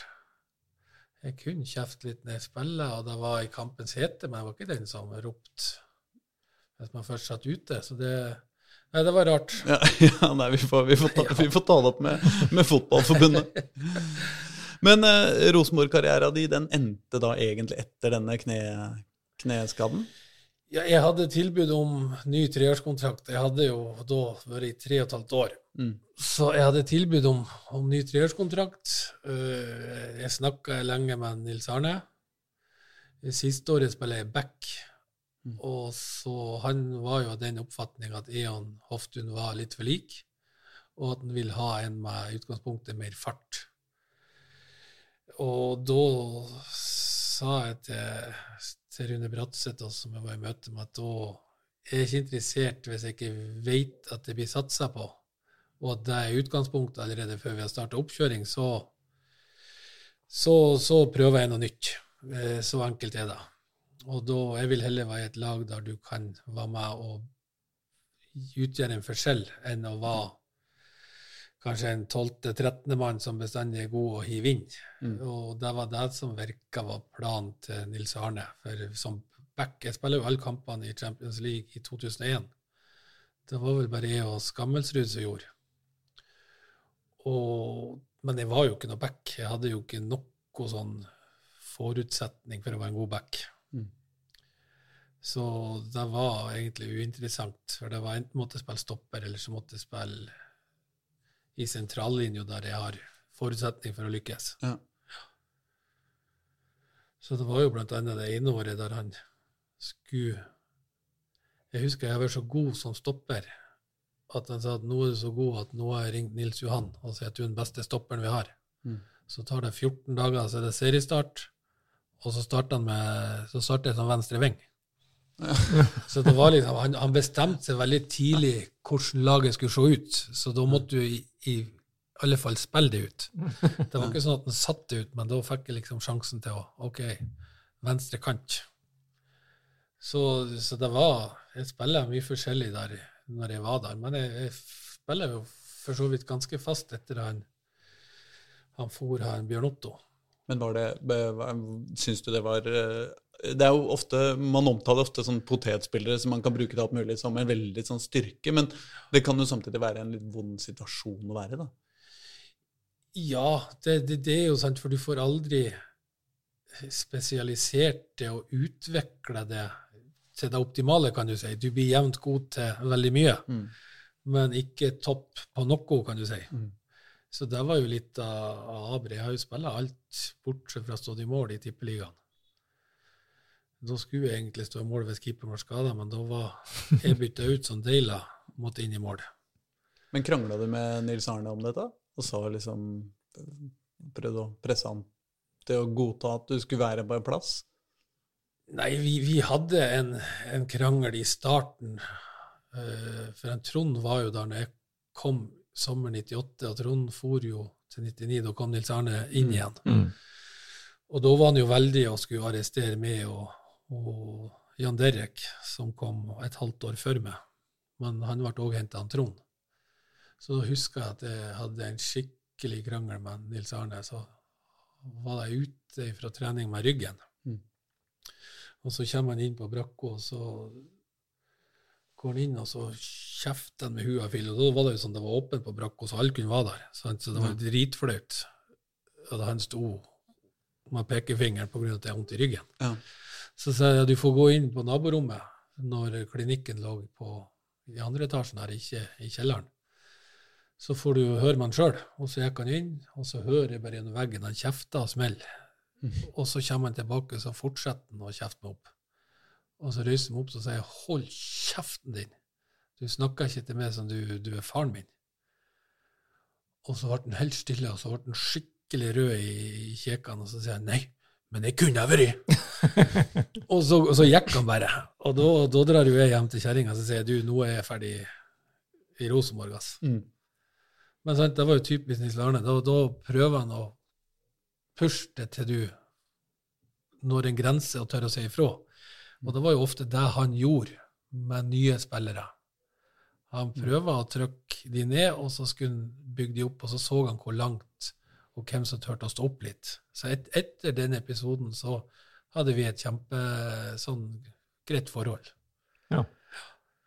Så jeg tror han, han gjorde jo det samme med Morten Knutsen, blant annet, som kom fra start for rekord, jeg tror det var åtte millioner, eller hva det var, som skulle erstatte Mini. Og da var det sånn kjeft, kjeft, kjeft. Han var jo fantastisk i begynnelsen, Knutsen, men han ble jo aldri Han kom seg jo aldri opp igjen. Så det, det Det var jo en måte å gjøre det på, å teste hvor langt du kan få før du får en reaksjon. Det er jo mange trenere som er uh, lærere. Ja. Uh, og uh, ofte så tenker jeg jo at det er et uttrykk for at norske fotballtrenere er At man er pedagogisk Grunnlaget for trenergjerninga på en måte ligger i pedagogikken. da, Og at det å, det, å, det å trekke folk opp og sånn. Men ehm,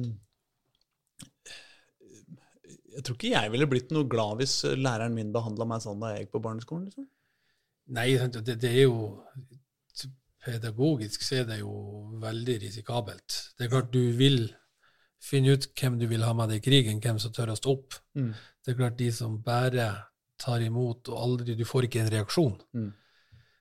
Men sant, hvis du skal bygge bygge den personen, så blir det jo en helt gæren måte å gjøre det på. Men det, det funka jo for, for Rosenborg og for, for han, tydeligvis. Mm. Eh, ingen kan jo ta ifra Nils Arne det, de resultatene og det, det han gjorde i Rosenborg. Det er jo helt unikt. Mm. Ja, da, Vi er på toppidrettsnivå, men jeg husker, jeg husker en, av dine, en av dine mange forgjengere som lyntrener, Henning Berg. Ja, ja. Han sa dette med at han, han hadde aldri blitt skjelt ut av noen eh, trenere før han var 18 år, for da var han liksom inn i voksenfotballen. ja, ja. Men da skjedde litt. Men det er veldig få som blir bedre av å bli kjefta ned. Nei, det, det er, og jeg tror det har vært mindre og mindre av det. Det er klart, i en periode så trodde man jo som trener at hvis du ikke oppførte deg som en idiot og sto og gnalla og kjefta på alt og alle, så var du ikke nok engasjert og ditt og datt. Mm. Så jeg personlig syns jo det var ekstremt eh, anerkjennende når hun, Marit Breivik fikk så suksess med sin tilnærming til, til coaching. Mm. Hun heva jo aldri røsten. Eh, var veldig sånn, tok spillerne med på råd. Eh, på en helt annen måte enn det du har sett i, i fotballverden, kan du si. Mm. Og jeg tror Jeg har ikke noe tro på at du skal kjefte folk bedre. Nei. Av og til så må du inn og, og, og ta noen eh, fighter. Men gjør du det for ofte, så, så nytter jo ikke det heller. Hvor ligger du på skalaen mellom Nils Arne Eggen og Marit Breivik, da? Jeg er vel mer lik Breivik, skulle jeg tro. Så har jeg vel litt sånn temperament når det blåser litt, så kan jeg få ei utblåsning, men ikke noe sånn Jeg er forholdsvis rolig hvis det ikke er Ja. Åge Hareide sine, sånn i ti sekunder, og så er det over. Ja, heller eh, li, litt lik gitar, ja. Ja. ja. Men det, det, det aller verste med den historien om Nils Arne her, er jo at det han kjefter på deg, er at du har vondt i ryggen. Ja, ja, ja. Altså Én ting er jo hvis du, hvis du har gjort et skikkelig dårlig valg, du har eh, gått mot mål, og så har eh, ikke sant, kompisen din vært aleine ja. til høyre, og så har du skutt sjøl fordi du ville ha målet. Da, da kan man jo skjønne at du blir skjelt ut. Men for å ha vondt i ryggen Ja, ja, men det var, Nils Arne hadde en mening om alt, og han var både fysioterapeut, lege, kirurg og steinlegger. Han var kjefta de opp utfor Brakkvåg når de la brostein, for han skulle fortelle dem hvordan de skulle gjøre det. Så han, han, han var veldig god i veldig mange ting, og så skulle han bestandig påpeke overfor alle at de gjorde noe gærent og kunne gjort noe annet. Jeg er glad han ikke var sjefen min. Ja, da, nei, så jeg er kjempeglad at jeg har opplevd Nils Arne. Det er, Ja. det er en fantastisk, fantastisk fyr å ha, ha opplevd. Det, det må jeg si. Nei, jeg fikk jo, Han skjelte ut en taxisjåfør på vegne av meg en gang. Ja, Han beklagde for at jeg hadde bestilt taxi fra Lerkendal, og han som du sier, han blander seg opp i alt. ja. ja. Og så skjønte han at jeg hadde venta i 20 minutter, og det likte han ikke. Så da skjelte han ut han sjåføren som kom. da. Han hadde jo blant annet en, Vi var på treningsleir i Frankrike før en Champions League-kamp. og Da skulle vi ta buss til et treningsanlegg. Og Da kjører bussjåføren feil, og da presterer jo han å klikke frem i bussen og sier Hey, you stupid bus driver, drive the bus to back. Så det var liksom sånn Det var mange fine eh, sånne episoder her. Det er ikke innafor, vet du. Nei, nei, men det var, det var Nei, det var, det var en opplevelse. Han har vært høyrebekk i Vålerenga, da. Nils Arne. Ja, det skal han ha. en historie her òg, så det skal han ha. Det er godt, det, da. Nei, men, eh, men eh, vi, må, vi må bevege oss eh, nærmere, nærmere Oslo vest Ja, ja, ja, Eh, jo, her vi jo, vi jo tross alt Må er vi ta- Før det bare en kort sving, for, i og med at du var i Telemark og Skien i noen år. Ja. Var du, Tangerte du da dagens Swift-trener, Dag, Dag Eilif Fagermo, på noe vis? Eller det var kanskje før hans tid? dette her? Det var, vi gikk aldri, det kryssa aldri veien. Han var vel i Porsche og Notodden i den perioden jeg var i, i Odd. Akkurat. Mm. Så men han var jo en veldig god kompis, han Ronny, Ja. som jeg òg var en god Mm. kompis. Altså, vi, vi hadde jo noen sammenstillinger som man traffes, sånn sett, men ikke noe, ikke noe mer. Så du og Ronny Deila har, har noen bånd nå? Ja, vi, vi har vel, vi har mye kontakt nå òg, vi. Så okay. det, det har vi hatt siden jeg var, vi var i Odd begge to. Ja, Mm. nettopp. Er han hjemme, fra, er han hjemme på ferie nå fra USA? Eller? Nei, det er vel Nei, han var i nord etter jul, rundt jul. Så var Ja. han vel en, en, en, en periode hjemme Ja. på det Porsgrunn og besøkte datterne i Fredrikstad. Ja. Så, men det har ikke vært så mye rom for sosiale Nei. sammenkomster i denne perioden. Altså, vi er vel ingen som har venner lenger i disse dager. Da kan vi vende tilbake. Da kan vi vende tilbake. Fordi nå er jo da situasjonen sånn at du ble ansatt som hovedtrener i Lyn i 2018, slutten av eh, året. Ja. Ja. Og, og så hadde du en sesong i 2019 hvor dere nesten greide å rykke opp. Ja, vi var vel aldri i nærheten, egentlig. Vi hadde en svak sesong. Vi kom vel inn på nyåret etter jeg var enig og begynte å trene. Så veien, du kan si det som gjorde at det tok over, det var jo at de skulle begynne å satse litt yngre. De skulle satse mer på, på lyngutta og som kom. De har vært, har vært veldig mye utskiftning i, i tropp. På to år tror jeg de har hatt 63 spillere Ja, som må spille A-lagsfotball. Og det er klart du Vi ble vel enige om at vi skal bygge et fundament i Lyn nå som vi bygger klubb, samtidig som vi bygger lag. Mm. Og ikke et sånt luftslott der du plutselig er heldig og har et godt lag og rykker opp, og så la oss si du rykker ned neste år, og så er alt status quo som det var for to år siden. Mm. Så vi, vi, de bygger mye mer klubb nå, og vi har jo stadfesta i styrevedtak nå etter hvert at vi skal spille en spillestil eh, som skal ligge fast, uavhengig av trenere. Så mye har vært gjort på de her to årene sånn utenom for å bygge en, en plattform. Mm. Så, så det var jo litt av det som tiltalte med dem å få lov å fortsette å jobbe med unge spillere som har lyst å bli gode fotballspillere. Mm. Ikke det med å være best på å få tak i fotballspillere inn til klubb. Mm. Det føler jeg at veldig mange kan være flinke til. Det er en klubb som skal selge, ikke kjøpe fotballspillere. Ja, vi skal utvikle de, og vi skal ha de her så lenge som mulig, men sant, på et vis og på et punkt så er det et, ei tid for alt. Det er Mm. klart at eh, en spiller vil mest sannsynlig klare å utvikle seg eh, fortere til en tippeligaspiller enn vi klarer å utvikle oss til en tippeligaklubb. Og hvilken spillestil er valgt? Ja, Vi skal spille 4-3-3, og vi skal spille Det er Bodø-Glimt og Rosenborg. Ja, akkurat. Det- Så den er tilpassa deg. Den er tilpassa meg, og så er den eh, Vi har jo gått gjennom hvorfor vi skal gjøre det sånn. og det det jeg har sagt, er jo at hvis du ser på Glimt, hvis du ser på Odd, ta bort Rosenborg De har hatt sin helt annen økonomisk Mm. hverdag med Champions League og det, men sant? Odd Bodø-Glimt har hatt ekstremt begrensa ressurser, men likevel så har de etablert seg i norgestoppen gjennom kontinuitet var tro mot en eh, måte de vil spille på.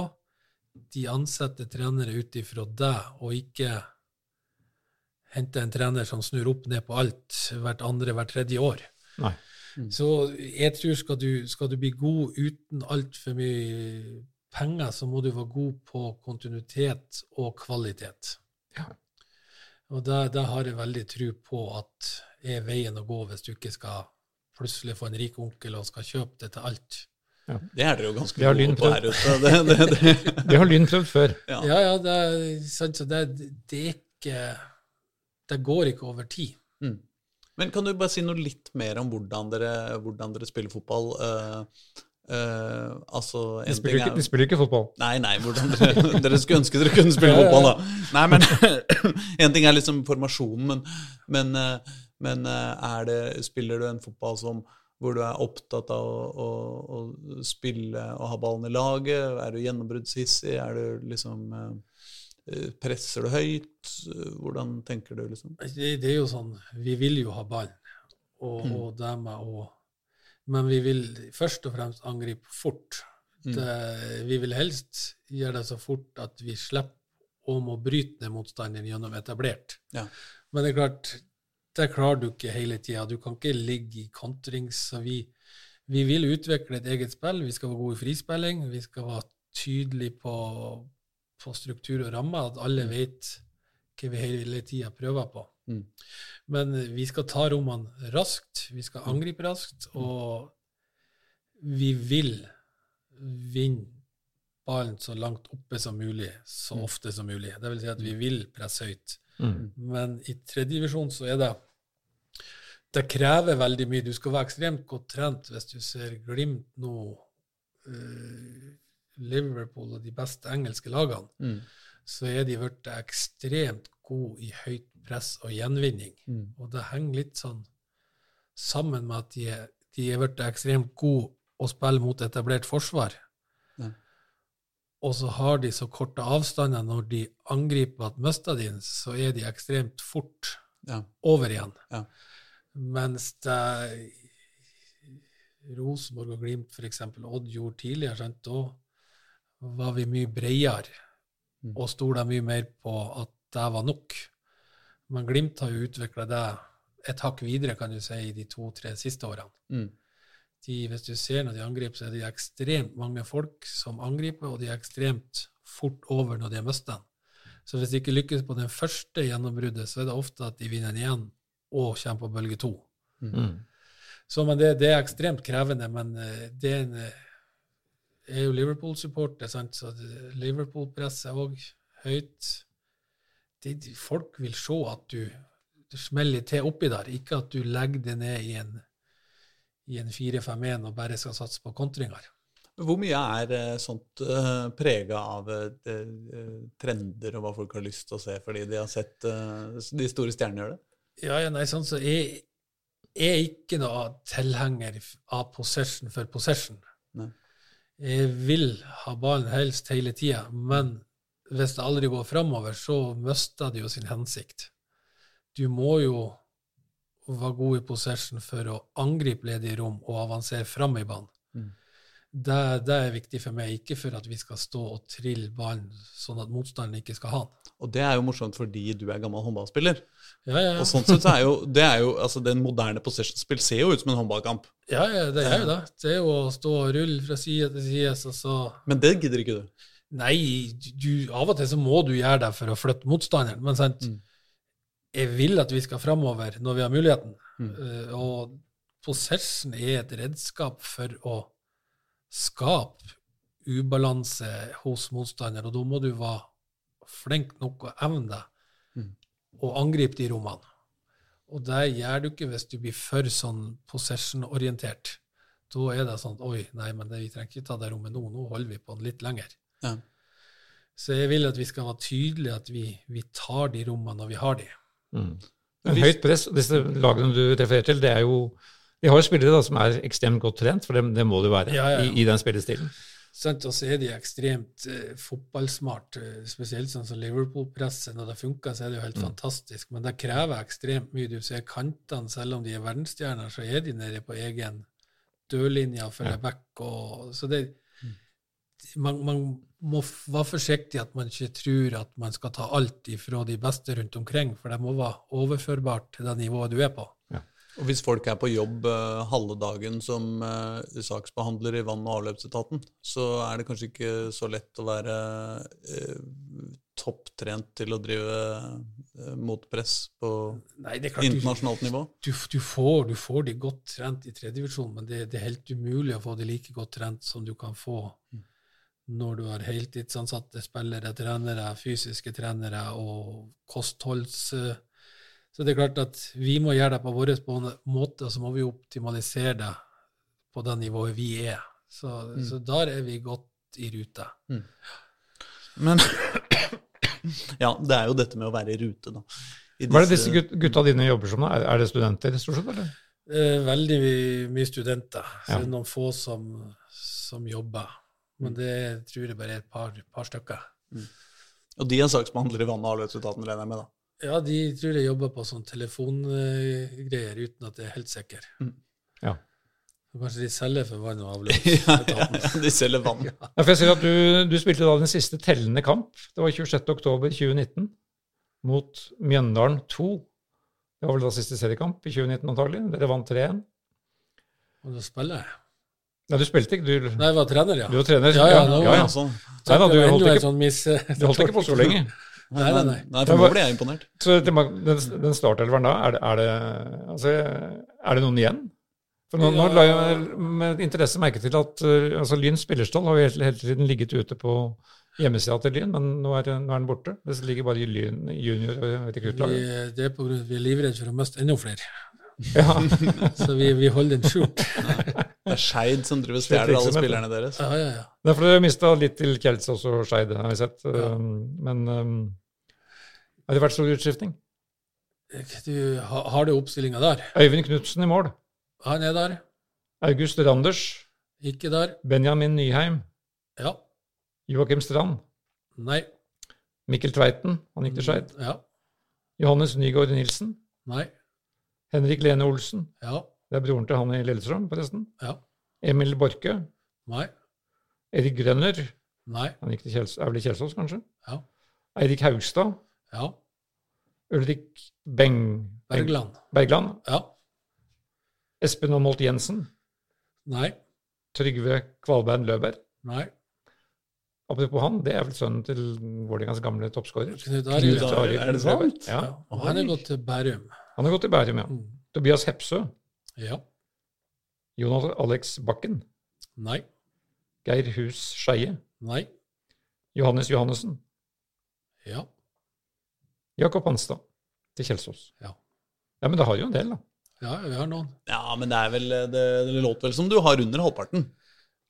Ja, det, det tror jeg. Så noen er jo naturlig at vi av at vi vil spille som vi vil, så er det noen som ikke har passa inn. Mm. Noen som har vært å gi seg med fotballen. Så det er sånn Det har ikke vært noe Bortsett fra de ungguttene, selvfølgelig, som vi gjerne skulle ha, ha beholdt. Mm. Så, så har det vært en naturlig prosess med at vi vil være mye tydeligere og flinkere på å finne spillere. Noen, de her guttene her var jo spillere som var der òg når jeg kom, Ja. eh, som egentlig ikke passer noen av de. Enkelte passer veldig godt, men en del passer ikke til å spille i 4-3-3. Og måten vi vil med aggressivt press, eh, gjennombruddshissighet og alt det der. Så det er litt eh, gjort med vilje òg at vi, vi har gjort noen utskiftninger. Vi hadde en veldig god stall når vi gikk inn i 2020 ja. i forhold til spillestil og et helt annet sammensetning av lag og tropp enn vi hadde i 2019. Okay. Så stort sett har vi beholdt det til nå, bortsett fra de unge, de fire som, som har dratt. Men hvordan ehm, Altså Betyr det at du var Du, du var liksom steinklar for 2020-sesongen før det, før det eh, klappa sammen? Ja, vi, vi var der. Vi, vi var kommet veldig godt i gang med oppkjøring. Vi var veldig godt trent i Mm. forhold til 2019. Så jeg kan jo si det nå, siden det ikke ble sesong. Vi har helt sikkert røkt opp i 2020 hvis det var sesong. Det burde jo i rettferdighetens navn dere bare fått lov til å gjøre. Ja, ja. Så vi burde absolutt være vært en del av toppfotballen, vi òg. Mm. Men hvordan, men hvordan holder du dette i gang? Altså, når tror du sesongen begynner? da, for det starta der? Jeg tror at 7. august er vi i gang med enkel serie. Og avdelingene tror jeg blir de samme som var opprinnelige. Det blir trykk, eller trukket hvem vi møter hjemme og borte. Ja. Ja, ikke sant? For da enkeltserie betyr at du, at du ikke får returoppgjør. Ja. Mm.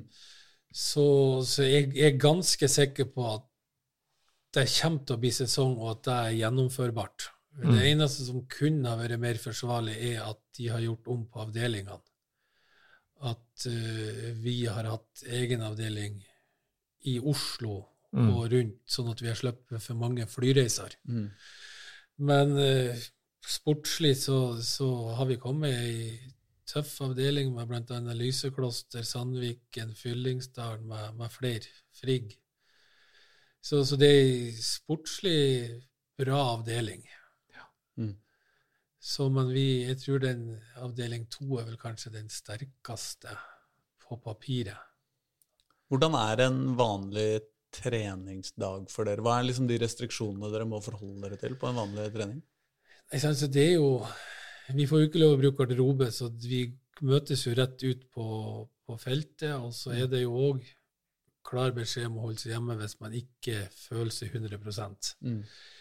Så vi kjører jo Vi har en del sånn styrke-skadeforebyggende i forlengelsen av oppvarming, og så har vi deløvelse, det kan være pasningsøvelse, og så kan vi ha en possession-øvelse som vi, vi må lage der det ikke blir for tett.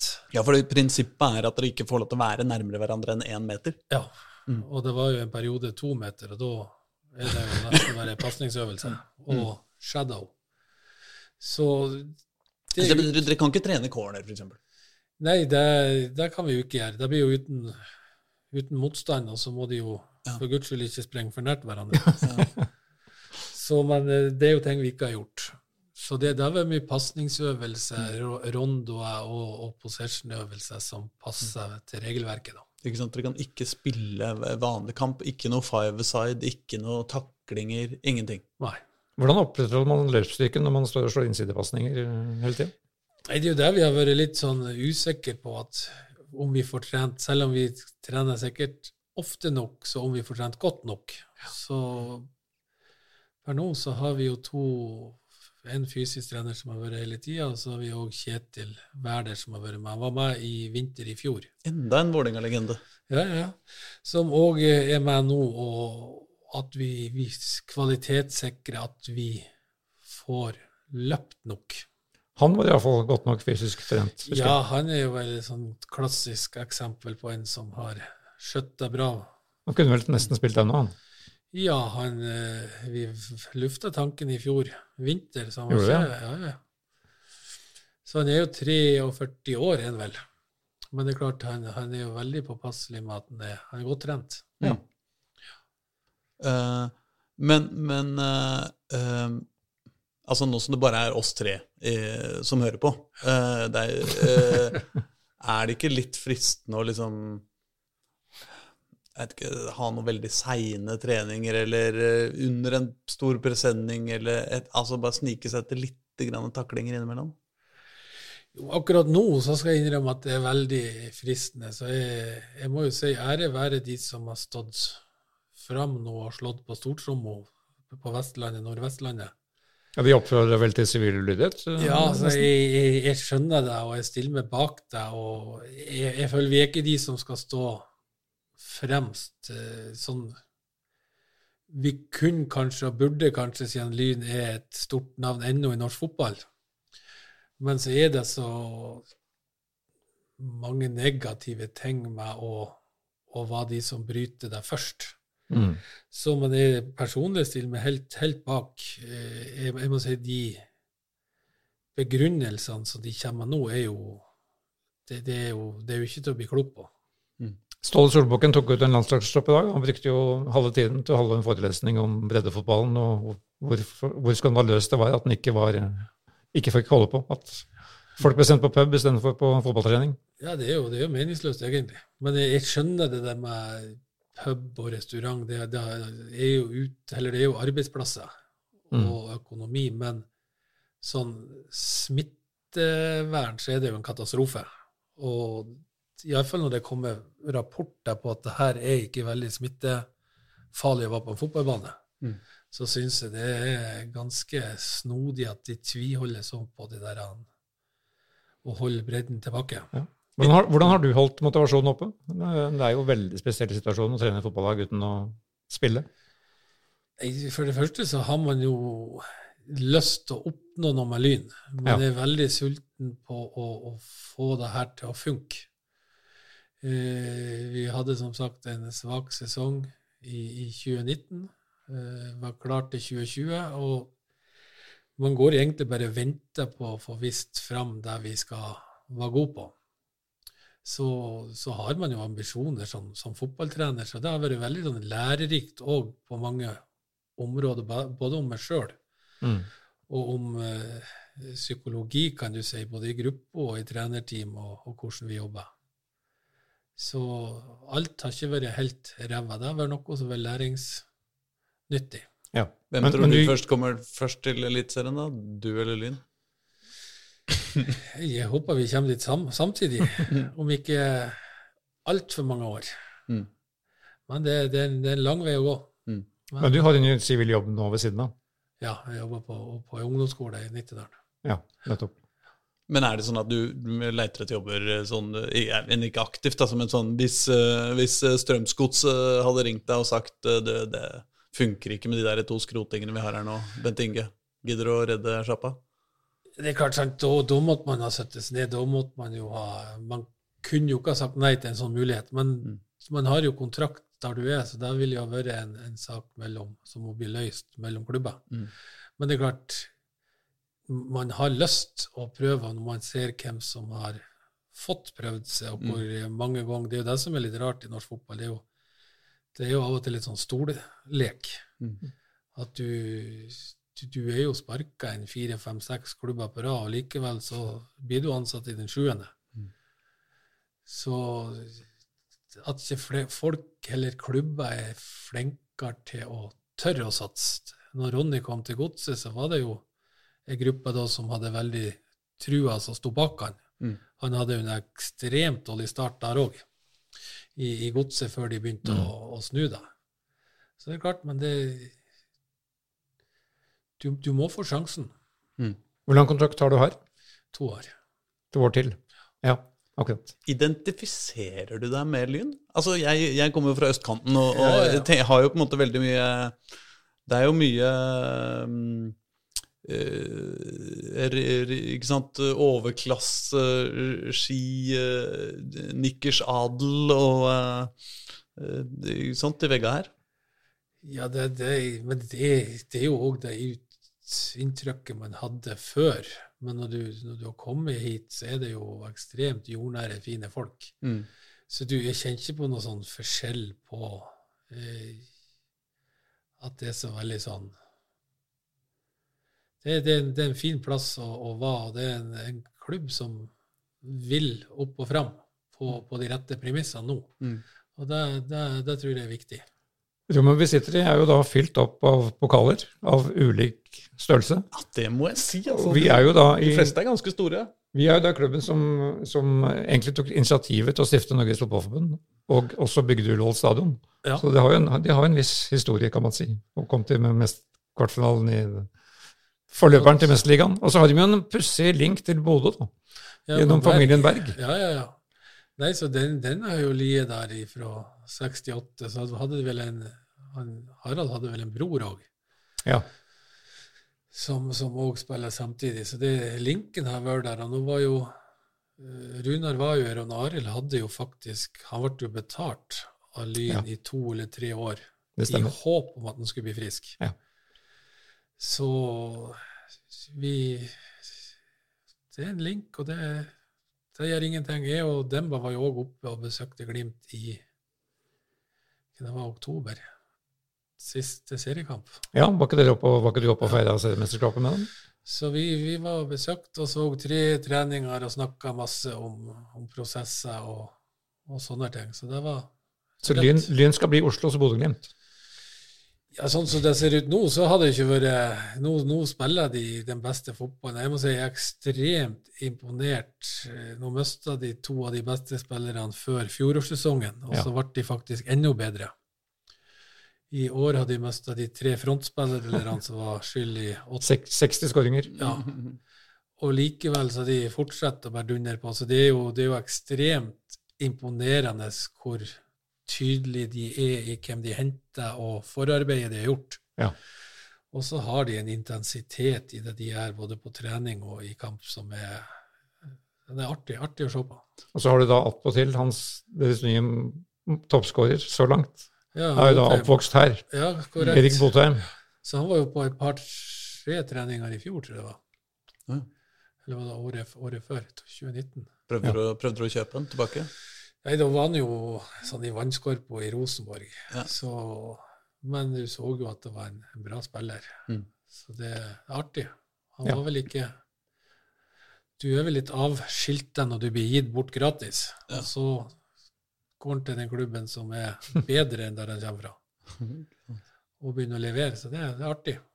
En annen du har spilt, du har trent sammen med, er jo eh, Kåre Ingebrigtsen. Ja, ja, ja. Eh, som jo eh, befinner seg litt på motsatt side av Eliteserien om dagen. Ja, det jeg tror det er tøft å være trener i Bergen, men nå virker det veldig sånn at de har litt ro og funnet sin vei å gå i forhold til før. De virka veldig samstemt når du Mm. hørte intervjuet med hun daglige lederen. Mm. Så var det jo veldig opphausa på skjebneuka ditt og da. Det er klart det er tøft å tape fem Ja. første kampene. Mm. Men eh, det hørtes ut mellom linjene at det var veldig Det var ikke sånn at det var Vi vinner jo ikke neste, så det er ute, som det ofte har vært i Bergen. Ja. Mm. Så jeg tror nok han, han får litt tid, men eh, det er klart det er tøft hvis det ikke kommer noen poeng. Mm. Det er jo en pussighet at det er to, de to siste avsatte Rosenborg-trenere, som Ja. nå begge trener til Brann. Ja, Men, det, eh, det, Så, men det som sier, storleken i norsk fotball den er fascinerende på, ja, ja, på mange den, vis. Den er, den er morsom. Men hvor skal vi si til dine håpefulle supportere der ute i Bastionen og andre, hvor, hvor, hvor er Lyn om fem år? Om fem år, hvis vi er dyktige og gjør de rette tingene, både som klubb og som lag og trener og, osv., så videre, så, så om fem år så hadde det vært artig å være oppe i Obos-ligaen. Ja, Hvis det ikke blir et år eller to til med pandemi, da, da må vi utsette litt. ja selvfølgelig. Men hvis, hvis verden blir normal igjen, da, under Ja. den forutsetning. Så, så hadde det vært Klubber har klart det før. Mm. Eh, Så det er ikke umulig, men det, det er en lang vei å gå fra tredje til, til Obos. Mm. Ja. Men det er fremdeles håp, og, og mulighetene er mange i Lyn. Så det, vi håper at vi skal, vi skal klatre litt etter hvert. Målet for eh, 2021-sesongen, da? Så For alle omgivelsene så er det opprykk. For oss som er ute på feltet, og så jobber vi hele tida med å utvikle eh, faser av spillet, hele spillestilen. utvikle enkeltspillere, relasjoner og strukturen i det vi gjør, så gjør vi det godt nok, så, så får du resultater. Mm. Så vi kommer til å, prøve å ta veldig mye mer bort av det der resultat- og opprykksjaget med å prate minimalt om det innad. For jeg tror det har vært et veldig sånn forstyrrende element for lynspillerne de siste fem-seks årene. At det hele tida er bastion. Omgivelsene jo selvfølgelig skal lyne opp, de har ikke noe der å gjøre. Mm. Men du er jo der du fortjener å være. Mm. Og da må du gjøre det fortjente en annen plass, og da må du jobbe hardt. Så vi, vi kommer til å være knalltøffe på Vi kommer til å snakke om en målsetning, og så kommer vi til å legge det bort, og så jobber vi kun med å utvikle Mm. spillere og lag og, og få det best mulig. Så er det jo samtidig helt umulig å vite hvor de forskjellige lagene står igjen. Ja, det, det er jo det. sant? Altså, Hvis du skal sette opp tabelltips for tredjedivisjon, vi får en utfordring. Ja, ja, sant? Noen av de store navnene, sånn som Fyllingsdalen, har jo hørt i nesten i oppløsning, om det stemmer. Det vet du jo ikke, sant? men Mm. du, du vet ikke hvor de andre står hen. Nei. Så det er, nei, det er mye usikkerhet. Så det Så, sånn sett blir det en veldig spennende sesong. ja. Så er man klar. vi var gode til de tingene vi skal være gode til, så skal vi, skal vi stille, stille bra. Jeg bare lurer på helt uh, til slutt. Uh, vi, vi, vi pleier å, å spørre folk om hvem de vil helst stå fast i heisen med i en annen spalte i Dagsavisa. Men uh, hvis jeg sier at du må stå fast i heisen med din navnebror, Bent Høie, hva, hva, hva forteller du han i det kvarteret den, den heisen står mellom fjerde og femte etasje og ikke kommer noe sted? Jeg, jeg tror det ville vært en veldig sånn oppheta diskusjon. For jeg tror sånn Når jeg hører hva han sier, og de der svadesvarene han kommer med, så tror jeg jeg kommer til å bli ekstremt provosert. Mm. Og politikere de har en tendens til å være ekstremt gode å snakke for seg. Mm. Og da har jeg en tendens til å, hvis det blir for mye tjat, jeg liker å gå rett på, og sånn der en argumentasjon fram og tilbake, der, du- der du står på stedet hvil, da, da får det litt hette òg. Så jeg, jeg er stygt redd at jeg endte med vold i heisen i løpet av et kvarter. Ja, for du er forbanna på hele regimet.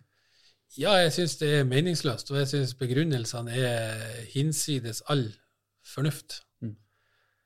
Så det, det provoserer meg at det har gått sport i at vi ikke skal få lov å spille fotball. Og så det irriterer det meg at det sammenlignes med alt mulig annen sport som både skal skje innendørs, for det er jo òg ekstremt stor forskjell. Det hadde jeg jo sjøl sagt. Mm. At 22 stykk her, men på, er det, jeg vet ikke om det er 7000 kvadrat, er det det? En fotballbane? Jeg er usikker. Kanskje, Det høres jo rimelig ut hvis det er sånn rundt 100 ganger 70 meter. Ja. Sant? Og så det er så livsfarlig, men de gir diss til russ. 20 stykker russebuss, det er lov nå i denne tida, for nå er det tross alt russ.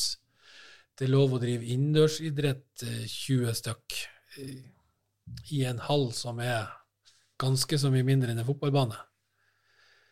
Eh, Vi blir sidestilt med teater og, og kultur, og hva det var flere jeg så på et intervju i, i formiddag.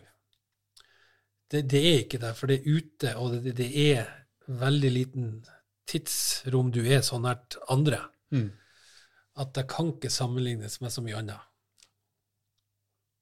Og det, det provoserer meg. Ja, det, er ikke, det, det er dårlig plass til å ta sklitakling da, inn i en heis. Så Ja, mm, sannsynligvis burde det ikke vært den heisen i det hele tatt. Nei, jeg, jeg, jeg er usikker på om jeg Ja. i veldig intenst håper på at den heisen kommer til å skje, eller om det kanskje er best at det Men det var i hvert fall veldig fint å få komme. Og du må jo ha lykke til med, med at det blir sesong. Jeg kan ikke ønske deg lykke til med selve sesongen. altså det, Såpass, Da får jeg juling av kompisene mine hjemme. ja, ja nei, det, nei det, vi, vi gleder oss i hvert fall til å, å få lov å spille fotball igjen. Og Dagsavisen gleder oss til å følge dere. Ja, ja. vi skal, vi skal følge med. ja, men det er bra. Vi skal, vi skal kjøre på. Perfekt. Den er gull.